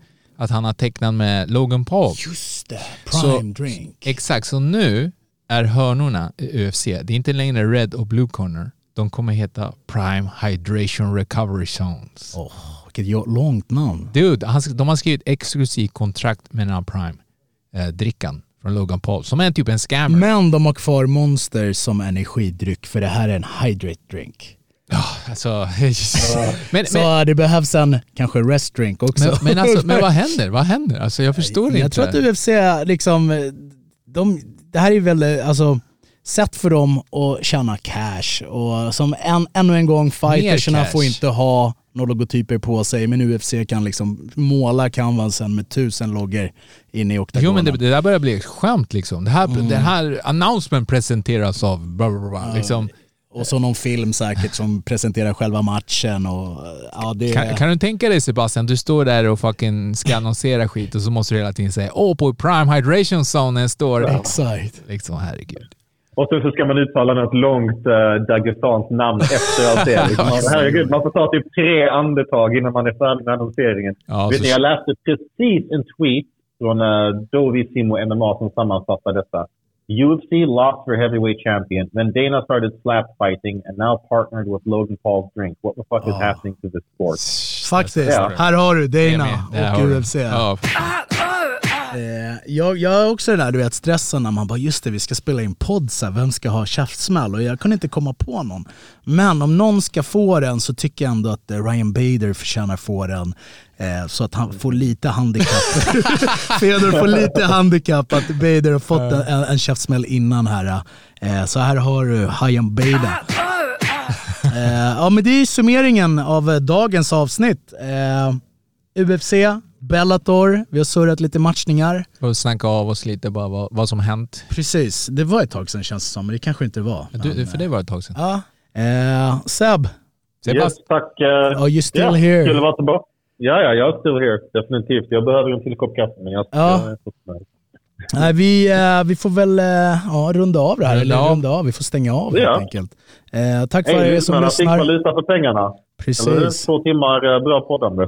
exakt. På en trött UFC-gala.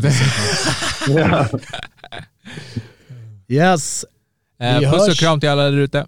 Peace Eh, out. Supporta eh, den här eh, fucking trion som gått ihop nu. Exakt. Käftsmällspodden, Maximum Yeah. Spawn, fucking online. Exakt. Gå in och, och join alla grejerna och stöd oss. Precis, it's the Det takeover. betyder jättemycket. Så är det. Yeah. We ain't here to take part. We're here to take over. Oh!